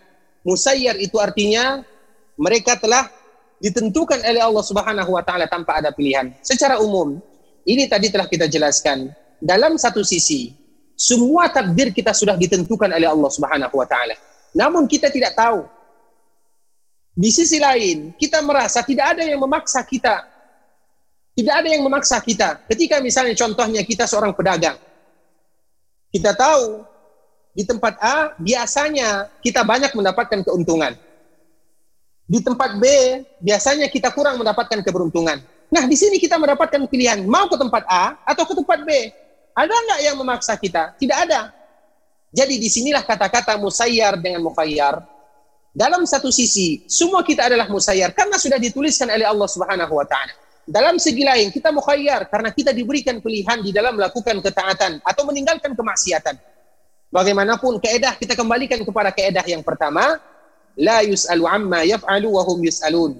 Kita tidak ditanya apa yang Allah lakukan, namun kita yang ditanya apa yang kita lakukan dan juga nasihat Rasulullah sallallahu alaihi wasallam ketika sahabat bertanya, "Kenapa begini? Kenapa begitu ya Rasulullah?" Rasul hanya memberikan kata i'malu, lakukan atau beramallah kalian, beramal dengan amalan-amalan kebajikan. Itu yang Rasulullah sallallahu alaihi wasallam wasiatkan kepada kita semua karena kita tidak terlalu boleh mendalam apakah kita ini terpaksa melakukan ini ataukah kita seperti ini apakah semuanya sudah dituliskan oleh Allah Subhanahu wa taala. Namun kita tidak tahu tinggal bagaimana kita berusaha berdoa berusaha berdoa dengan doa yang tadi telah kita sebutkan kemudian berusaha dengan usaha-usaha yang diridai oleh Allah Subhanahu wa taala. Barakallahu fikum. Barakallahu fikum. Jazakumullah khairan selanjutnya, Assalamualaikum Ustadz. Semoga Allah memberikan rahmah dan keberkahan bagi Ustadz, keluarga, dan tim. Saya mohon penjelasan dari Ustadz tentang firman Allah bahwa Allah memberikan petunjuk kepada siapa pun yang dikehendakinya dan Allah menyesatkan siapa pun yang dikehendakinya. Apakah ini bermakna kiasan atau secara harafiah Ustadz? Selain karena izin Allah, apakah usaha kita bisa menghindarkan kita dari tersesat dari jalannya? Jazakallah khair Ustadz. Barakallahu fikum kepada yang bertanya semoga Allah Subhanahu wa taala menjadikan kita bagian daripada mereka yang senantiasa diberikan hidayah oleh Allah Subhanahu wa taala. Kita hidup dalam hidayah Allah, kita wafat pun dalam hidayah Allah Subhanahu wa taala. Di dalam masalah hidayah itu terbagi kepada dua. Ada hidayah yang itu hak mutlak Allah Subhanahu wa taala. Sebagaimana firman Allah yang tadi telah disebutkan ada hidayah yang itu adalah bagian daripada usaha dari manusia. Jadi hidayah itu ada dua. Ada hidayah hak mutlak Allah, ada hidayah bagian daripada kita. Seperti misalnya seorang ustaz, seorang dai berceramah, menyampaikan kebenaran, menyampaikan Al-Qur'an, menyampaikan sunnah Nabi wasallam sehingga ketika dia berbicara banyak orang yang mendapatkan hidayah. Itu adalah hidayah dilalah atau hidayah ketika dia berusaha memberikan petunjuk kepada manusia. Yang kedua adalah hidayah mutlak bagi Allah Subhanahu wa taala. Nah, ayat yang tadi disebutkan adalah hidayah mutlak bagi Allah Subhanahu wa taala. Dan kita tidak tahu mana yang mendapatkan hidayah, mana yang tidak.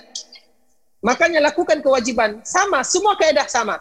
Kita kembalikan kepada Allah Subhanahu wa taala. Allah tidak ditanya apakah Allah memberikan hidayah fulan, Allah tidak memberikan hidayah fulan. Kalau kita berbicara tentang hidayah mutlak, yang kita harapkan adalah bagaimana hidayah itu menyapa kita dan bagaimana kita istiqamah di dalam hidayah tersebut sambil kita melakukan ketaatan-ketaatan kepada Allah Subhanahu wa taala. Kaidahnya la yusalu amma yaf'alu wa hum yusalun. Mereka tidak ditanya apa yang Allah lakukan. Allah memberikan kepada fulan hidayah. Allah memberikan kepada fulan atau tidak memberikan kepada fulan hidayah. Itu adalah urusan Allah Subhanahu wa taala. Kita tidak tahu. Ketika Allah memberikan hidayah kepada kita, itulah kita harus bersyukur kepada Allah Subhanahu wa taala. Semoga kita tetap senantiasa berada di dalam hidayah tersebut. Namun hidayah ada dua, ada hidayah yang milik Allah, ada hidayah itu hidayah bagaimana kita memberikan petunjuk kepada manusia.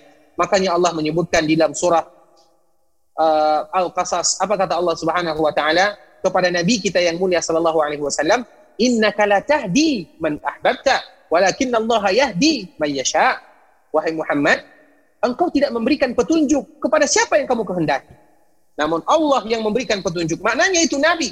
Nabi saja tidak diberikan hak oleh Allah memberikan hidayah. Dan hidayah ini adalah hidayah mutlak bagi Allah Subhanahu wa taala. Di dalam ayat lain, di dalam surah Al-Mu'minun, Allah menyebutkan innaka tahdi ila siratim mustaqim. Engkau memberikan hidayah kepada jalan yang lurus. Apa maknanya? Dari sini para ulama membagi hidayah kepada dua Hidayah yang pertama adalah hidayah dilalah, yaitu kita menunjukkan kebenaran, kita menyampaikan syariat sehingga orang mendapatkan dan itu penyebab orang mendapatkan hidayah. Itu diberikan kepada manusia, kepada nabi, kepada dai, kepada ulama. Sedangkan hidayah yang mutlak bagi Allah itu urusan Allah dan kita tidak pernah mengetahuinya. Hanya saja ketika kita yang mendapatkan hidayah, kita senantiasa bersyukur kepada Allah dan semoga hidayah tersebut kita bawa berjumpa dengan Allah Subhanahu wa taala. Barakallahu fikum. Barakallahu fikum. Uh, selanjutnya, uh, Bismillahirrahmanirrahim. Izin bertanya, Ustadz, jika dosa kita kepada Allah bisa dihapuskan dengan bertaubat, kemudian bagaimana caranya kita bisa memohon ampunan atas dosa kita kepada sesama? Barakallahu fikum, jazakumullah khairan, Ustadz. Barakallahu fikum. Hubungan kita dengan Allah Subhanahu wa taala adalah hubungan yang spesial, yang Allah Maha Pengampun. Kita tahu Allah Subhanahu wa taala Maha Rahman, Maha Rahim sehingga setiap kali kita datang kepada Allah, Allah akan memberikan ampunan kepada kita. Sedangkan hubungan kita dengan manusia, kita lihat masalahnya apakah berkaitan dengan hak atau hanya berkaitan dengan sesuatu yang tidak berkaitan dengan hak. Seperti misalnya yang berhubungan dengan manusia, kita pernah mengambil harta orang atau milik yang bukan punya kita. Maka cara bertobatnya tidak lain tidak bukan adalah mengembalikan. Nah, mengembalikan hak ini bisa jadi kita mengembalikannya dengan sepengetahuannya atau tidak dengan sepengetahuannya, intinya hak orang ini harus kembali dan kewajiban kita selesai. Atau yang berkaitan dengan harga diri, seperti kita menghibah, namimah. Ketika kita memohon ampun kepada Allah, kemudian kita ingin meminta maaf kepada manusia, maka di sini kita lihat apakah ketika kita minta maaf kepada teman kita tersebut akan menambah sakit hatinya atau tidak. Karena kita mengatakan seperti ini misalnya, wahai fulan, dulu aku pernah menceritakan kamu seperti ini, ini, ini, ini, ini. Bisa jadi ketika kita menyebutkan, dia sakit hati kepada kita. Jadi bagaimana solusinya? Solusinya kita bermohon kepada Allah, kemudian kita melakukan kebaikan kepada orang yang tadi kita zalimi, sambil kita berdoa kepada Allah untuk dirinya. Seperti itulah kita menyelesaikan hak kita sesama manusia, yaitu tergantung permasalahan-permasalahan yang kita hadapi. Dan kita lihat juga di sana masalah maslahat dan mudaratnya. Barakallahu fikum. Barakallahu fikum. Jazakumullah khairan Ustaz. Selanjutnya, Assalamualaikum Ustaz. Apabila seorang seseorang semisalnya kodarullah mendapat penyakit berat atau kecelakaan atau kemalangan, kemudian seseorang tersebut berdoa kepada Allah Subhanahu wa taala untuk diberikan kesembuhan atau kebaikan agar keluar dari kemalangan tersebut. Apakah ini termasuk dalam kategori tidak beriman kepada kodo dan kodar? Jazakallahu khair. Barakallahu fikum. Barakallahu fikum. Barakallahu fikum ikhwatal Islam. Ketika seseorang mendapatkan musibah, maka kewajibannya adalah bermohon kepada Allah untuk mendapatkan kebaikan dunia dan akhirat. Ketika ada orang yang sakit, ketika ada orang yang mendapatkan kemalangan, harus berdoa kepada Allah. Dan doa itu adalah ibadah, dan doa itu adalah bagian daripada usaha. Itulah yang harus kita lakukan. Makanya kita lihat di zaman Nabi Shallallahu Alaihi Wasallam ada sahabat yang sakit. Kemudian dia mengatakan, atau Rasulullah Shallallahu Alaihi Wasallam datang kepadanya, kenapa kamu mendapatkan sakit seperti ini? Apa yang kamu minta kepada Allah? Ternyata dia meminta kepada Allah, ya Allah, kalau seandainya aku melakukan kesalahan, aku tidak bisa menerima kesalahan tersebut dengan nerakamu. Maka berikan kepadaku di dunia saja. Biarkan aku di dunia merasakan kesalahan tersebut, sedangkan di akhirat masukkan aku ke dalam surga. Ternyata itu yang dia baca. Apa kata Rasulullah Sallallahu Alaihi Wasallam? Rasul ajarkan yang terbaik. Jangan seperti itu. Kamu meminta, minta kebaikan di dunia, minta kebaikan di akhirat. Sehingga doa atau doa sapu jagat yang biasa kita hafal. Rabbana atina fid dunya hasanah. Ya Allah berikan kepada kami kebaikan di dunia. Wa fil akhirati hasanah. Dan berikan kebaikan di akhirat. Semua kita meminta kebaikan. Ketika kita mendapatkan musibah, kita minta kebaikan kepada Allah Subhanahu wa taala dan itu adalah bagian daripada beriman. Bukan tidak meminta itu bagian daripada beriman kepada takdir. Namun takdir itu ketika kita mendapatkan kemalangan kita harus meminta kebaikan kepada Allah. Banyak lagi hal-hal yang kita jumpai di zaman Nabi sallallahu alaihi wasallam ada sahabat yang buta. Dia datang kepada Nabi dan meminta doa dan didoakan kepada Nabi untuk disembuhkan. Padahal itu adalah buta. Alhamdulillah Allah berikan kepadanya penglihatan dan Allah kembalikan penglihatannya melalui doa Nabi Shallallahu Alaihi Wasallam dan kita harus berdoa dan itu adalah bagian daripada ibadah. Barakallahu fikum. Barakallahu fikum. Jazakumullah khairan Ustaz. Ustaz, banyak orang hanya mengutamakan ikhtiar, seakan-akan lupa terhadap keputusan-keputusan Allah. Atau seakan-akan ikhtiar hanya sebagai satu-satunya jalan. Karena ketika diingatkan tetap bahwa ikhtiar itu harus dilakukan.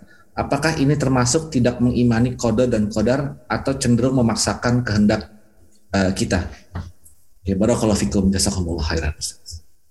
Barakallahu fikum ikhwatal Islam, rahimani wa rahimakumullah. Sebahagian para ulama mengatakan barang siapa yang hanya bersandar kepada usaha maka itu adalah sebuah kecerobohan. Kenapa ceroboh? Karena kita tahu kita hanyalah seorang hamba Allah Subhanahu wa taala. Banyak rahasia atau banyak rencana yang kita rencanakan, namun kadang rencana kita itu di luar daripada apa yang kita rencanakan. Di situlah kita menghambakan diri kepada Allah Subhanahu wa taala. Dua hal yang harus kita ingat. Yang pertama, bersandar kepada Allah dan yang kedua, melakukan usaha sesuai dengan yang disyariatkan Allah Subhanahu wa taala. Dua hal ini ada dua hal yang tidak boleh dipisahkan.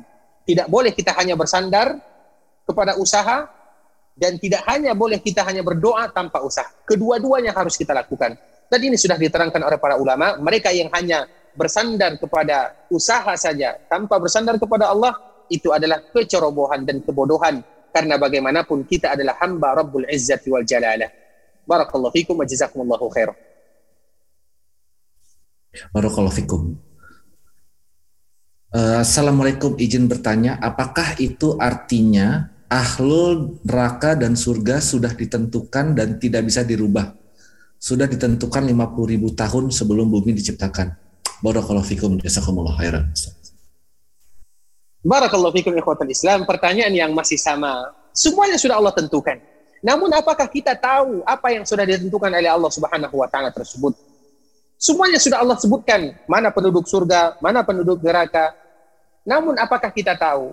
Tentunya kita tidak tahu karena itu adalah urusan Allah. Lakukan urusan kita dan kita jangan banyak bertanya tentang urusan Allah dan kita bersyukur kepada Allah ketika kita berada di dalam agama Islam dan semoga Allah memasukkan kita semua ke dalam surga. Kita kembalikan kepada keedah la yus'alu amma yaf'alu wa hum yus'alun.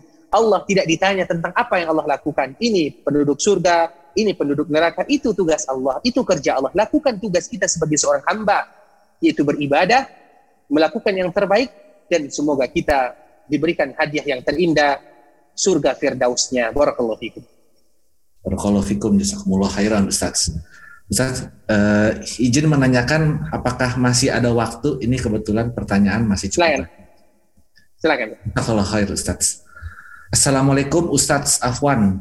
Izin bertanya, bagaimana dengan orang yang putus asa seperti mereka yang uh, ingin atau bunuh diri, apakah itu adalah takdir? Jazakallah khair. Barakallahu fikum. Barakallahu fikum wa jazakumullahu khairah kepada yang bertanya. Tentunya di sini kita menilai dari dua sisi. Sisi yang pertama, kita tidak boleh memisahkan antara dua hal sebagaimana tadi yang telah kita sebutkan, antara usaha dengan berdoa. Mereka yang putus asa, berarti mereka sudah hilang usahanya dan hilang doanya. Kedua-duanya mulai hilang. Sehingga mereka memilih jalan pintas, dengan bunuh diri, jangankan kemaslahatan yang mereka dapatkan, bahkan musibah yang akan menimpa mereka. Tentunya bagi mereka yang putus asa. Kenapa kita putus asa? Dan harus kita ingat, supaya kita lebih tegar. Setiap kita mendapatkan masalah, setiap kita ada musibah, setiap kita berbeda-beda masalahnya. Namun dengan masalah itulah kita semakin dewasa, dan dengan masalah itulah kita semakin bermohon kepada Allah Subhanahu wa taala. Makanya beda ketika seorang hamba berdoa kepada Allah dikala mereka mendapatkan musibah, ketika mereka berdoa kepada Allah dikala mereka tidak mendapatkan musibah. Seseorang berdoa kepada Allah dikala mereka mendapatkan musibah, pasti meneteskan air mata. Mereka mencari waktu-waktu yang terindah untuk bermunajat kepada Allah Subhanahu wa taala dan hari-hari itu merupakan hari-hari yang terindah antara seorang hamba dengan Sang Pencipta. Itulah yang Allah inginkan dari kita. Ketika seseorang diberikan masalah musibah, agar kita kembali kepada Allah, agar kita kembali meneteskan air mata. Itu yang Allah inginkan. Kemudian apa lagi? Allah hapuskan semua dosa-dosa kita. Allahu Akbar. Hikmah yang sangat indah. Kalau seandainya kita mengetahui apa hikmah di baliknya, maka akan hancur hati kita ini mengetahui kekuasaan Allah Subhanahu wa taala. Oleh karenanya ikhwatul Islam, kita ingat hadis Rasulullah sallallahu alaihi wasallam, "Inna Allah idza ahabba qauman ibtalahum." Allah apabila sayang cinta, suka kepada seorang hamba, Allah berikan ujian. Kita lihat siapa yang paling Allah cintai? Rasulullah Sallallahu Alaihi Wasallam. Siapa yang paling besar ujian dan musibahnya? Rasulullah Sallallahu Alaihi Wasallam. Rasul punya anak tujuh orang. Tiga laki-laki, empat perempuan. Laki-laki bernama Qasim, Abdullah, Ibrahim. Semuanya meninggal ketika mereka kecil. Ketika anak-anak bermain bersama Rasulullah Sallallahu Alaihi Wasallam, yang satu berumur satu tahun, yang lain berumur satu tahun setengah, yang lain berumur tiga atau empat tahun, di mana masa-masa yang terindah, masa-masa orang tua dengan anaknya dipanggil oleh Allah Azza wa Jalla. Tiga anak Nabi yang laki-laki semuanya meninggal. Kemudian anak Nabi yang perempuan, ada empat. Siapa dia? Ummu Kulsum, Ruqayyah, Zainab, Fatimah radhiyallahu taala anhum ajma'in. Tiga meninggal ketika mereka masih muda dan dilihat oleh baginda yang mulia. Tersisa satu Fatimah radhiyallahu taala anha. Musibah yang paling besar belum musibah-musibah yang lainnya. Nabi tidak pernah makan atau pernah tidak makan dua bulan namanya. Tidak ada asap keluar dari rumahnya, tidak ada harta, tidak ada makanan. Apa yang Nabi makan? Al-aswadan. Minum kor, minum air putih dan kurma saja. Kalau kita telusuri bagaimana Allah Subhanahu wa taala memberikan ujian dan cobaan kepada Nabi, sesuatu yang tidak mungkin dibandingkan dengan kehidupan kita. Kenapa demikian? Karena Nabi manusia yang paling dicintai oleh Allah Subhanahu wa taala. Nah, di sinilah kita harus belajar. Yang membuat kita kuat di dalam menghadapi hal itu semua adalah dengan agama, dengan kisah-kisah para sahabat yang mulia, kisah Nabi, kisah para sahabat dengan belajar agama dan semoga Allah Subhanahu wa taala menjaga kita semuanya memberikan kesudahan atau memberikan kemudahan dalam setiap urusan dan permasalahan yang kita hadapi dan Allah memudahkan urusan kita bersama barakallahu fikum. Barakallahu fikum jazakumullah khairan Ustaz. Selanjutnya, Assalamualaikum. Afwan mau bertanya, bagaimana cara bertambah, bagaimana cara bertaubatnya penyeru kesesatan sebab kita mantan Islam jamaah yang pernah menyeru atau mengajak manusia mengikuti pemahaman kelompok Islam jamaah yang menyimpang, menganggap semua manusia di luar kelompoknya adalah kafir atau masuk neraka. Syukran, jazakallah khairan, barakallahu fikum. Barakallahu fikum ikhwatal Islam. Ketika kita pernah berseru kepada sesuatu jamaah di mana jamaah tersebut adalah jamaah takfir yang mudah mengkafirkan kaum muslimin yang mana dia mengatakan atau mereka mengatakan jamaah tersebut adalah jamaah satu-satunya jamaah ahlu sunnah atau jamaah Islam. Sedangkan yang lainnya adalah jamaah-jamaah yang bukan Islam. Bahkan pemerintah pun bukan pemerintah Islam. Ini merupakan uh, pemikiran yang berbahaya kalau seandainya ada di antara kita yang diberikan hidayah oleh Allah Subhanahu wa taala maka kita berseru ketika kita berseru kepada jemaah tersebut, kemudian Allah berikan kepada kita hidayah, maka kita juga berseru kepada akidah ahlu sunnah wal jamaah. Kita menyebutkan, kalau kita berani, kita menyebutkan kesalahan. Kenapa kita keluar dari jemaah tersebut? Karena banyak penyimpangan-penyimpangannya. Dan kita memberikan wanti-wanti kepada manusia atau kepada mereka yang ikut di dalamnya. Kita sebutkan secara ilmiah. Kenapa suka mengkafirkan kaum muslimin? Kenapa dengan mudah mengatakan pemerintahan bukan pemerintahan Islam? Kenapa dengan mudah mengatakan orang lain tidak tidak sama dengan dirinya, harus dengan kelompoknya, bahkan berzakat kepada imamnya kita terangkan, bahkan kalau bisa kita tulis dengan lisan, dengan tulisan dan itu adalah bagian daripada jihad dan itu adalah bagian daripada bertaubat dan semoga Allah senantiasa memberikan kepada kita taufik, hidayah dan istiqamah. Kalau kita tidak bisa, maka kita berseru kepada karib kerabat kita atau orang yang dulu pernah kita serukan dan itu semua dikembalikan kepada kita namun harus ada usaha paling tidak kita menyebutkan apa akidah ahlu sunnah dan bagaimana penyimpangan-penyimpangan yang pernah dilakukan oleh sebahagian kaum muslimin. Barakallahu fikum. Barakallahu fikum. Jazakumullah khairan Ustaz. Ini kebetulan kita masuk ke pertanyaan terakhir Ustaz. Assalamualaikum Ustaz. Izin bertanya, apakah sama ketentuan yang dituliskan di Lauhul Mahfuz dengan empat ketentuan yang dituliskan oleh malaikat saat masih janin? Barakallahu fikum. Jazakumullah. Barakallahu fikum ikhwatal Islam, saudara kaum muslimin, kaum muslimat, ikhwani, akhwati, rahimani wa rahimakumullah. Tentunya ketika Allah Subhanahu wa taala menciptakan anak Adam sebagaimana yang diriwayatkan dari sahabat Abdullah bin Mas'ud radhiyallahu taala anhu, Allah Subhanahu wa taala mengirim setiap malaikat bikatbin rizkihi wa ajalihi wa amalihi wa syaqiyyun aw sa'id. Allah Subhanahu wa taala memerintahkan malaikat tersebut untuk menulis rizkinya, ajalnya, amalannya, kemudian keadaannya. Apakah sama dengan yang dituliskan oleh malaikat dengan ketentuan Allah Subhanahu wa taala?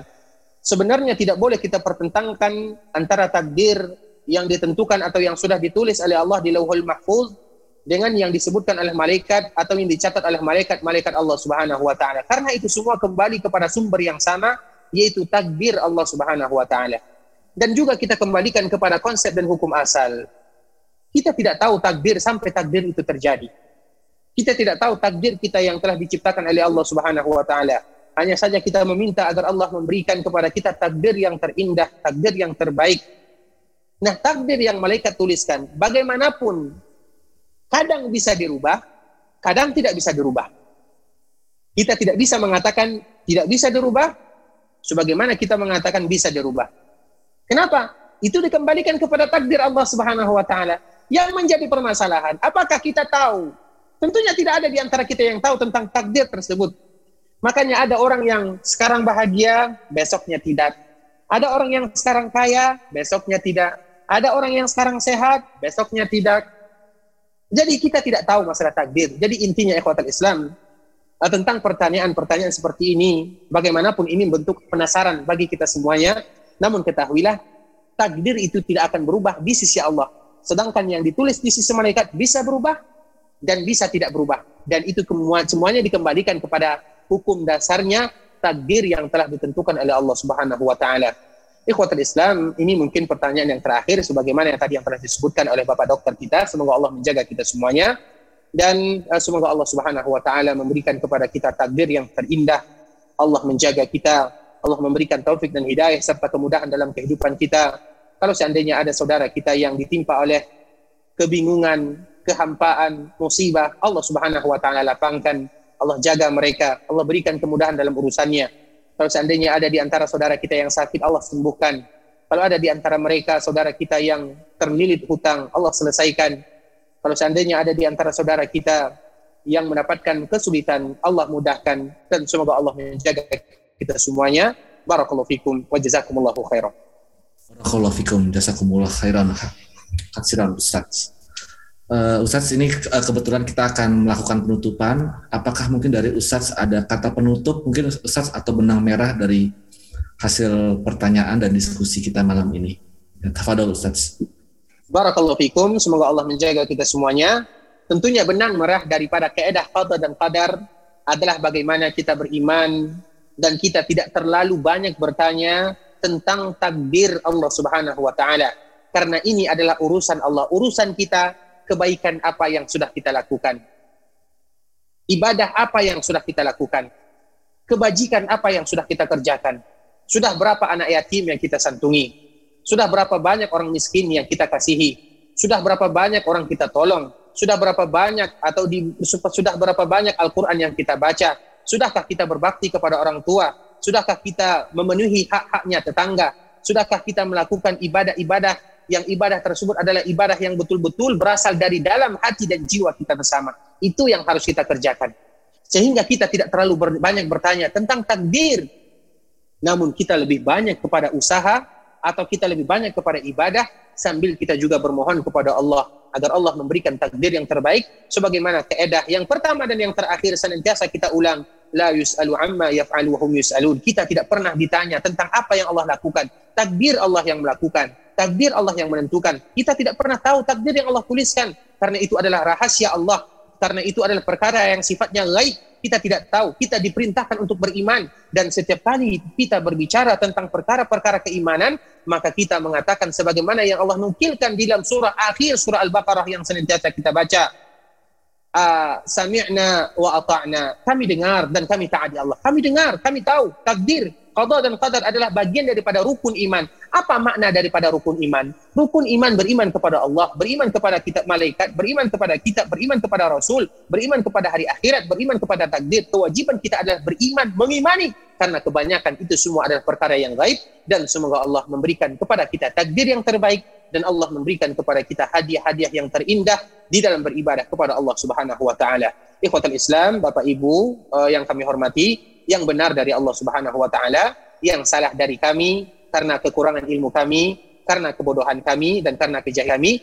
Uh, kalau seandainya ada kata-kata yang salah kami mohon maaf. Barakallahu fikum wa jazakumullahu khair. Barakallahu fikum jazakumullahu khairan Ustaz. ارجعي إلى ربك راضية مرضية فادخلي في عبادي وادخلي جنتي.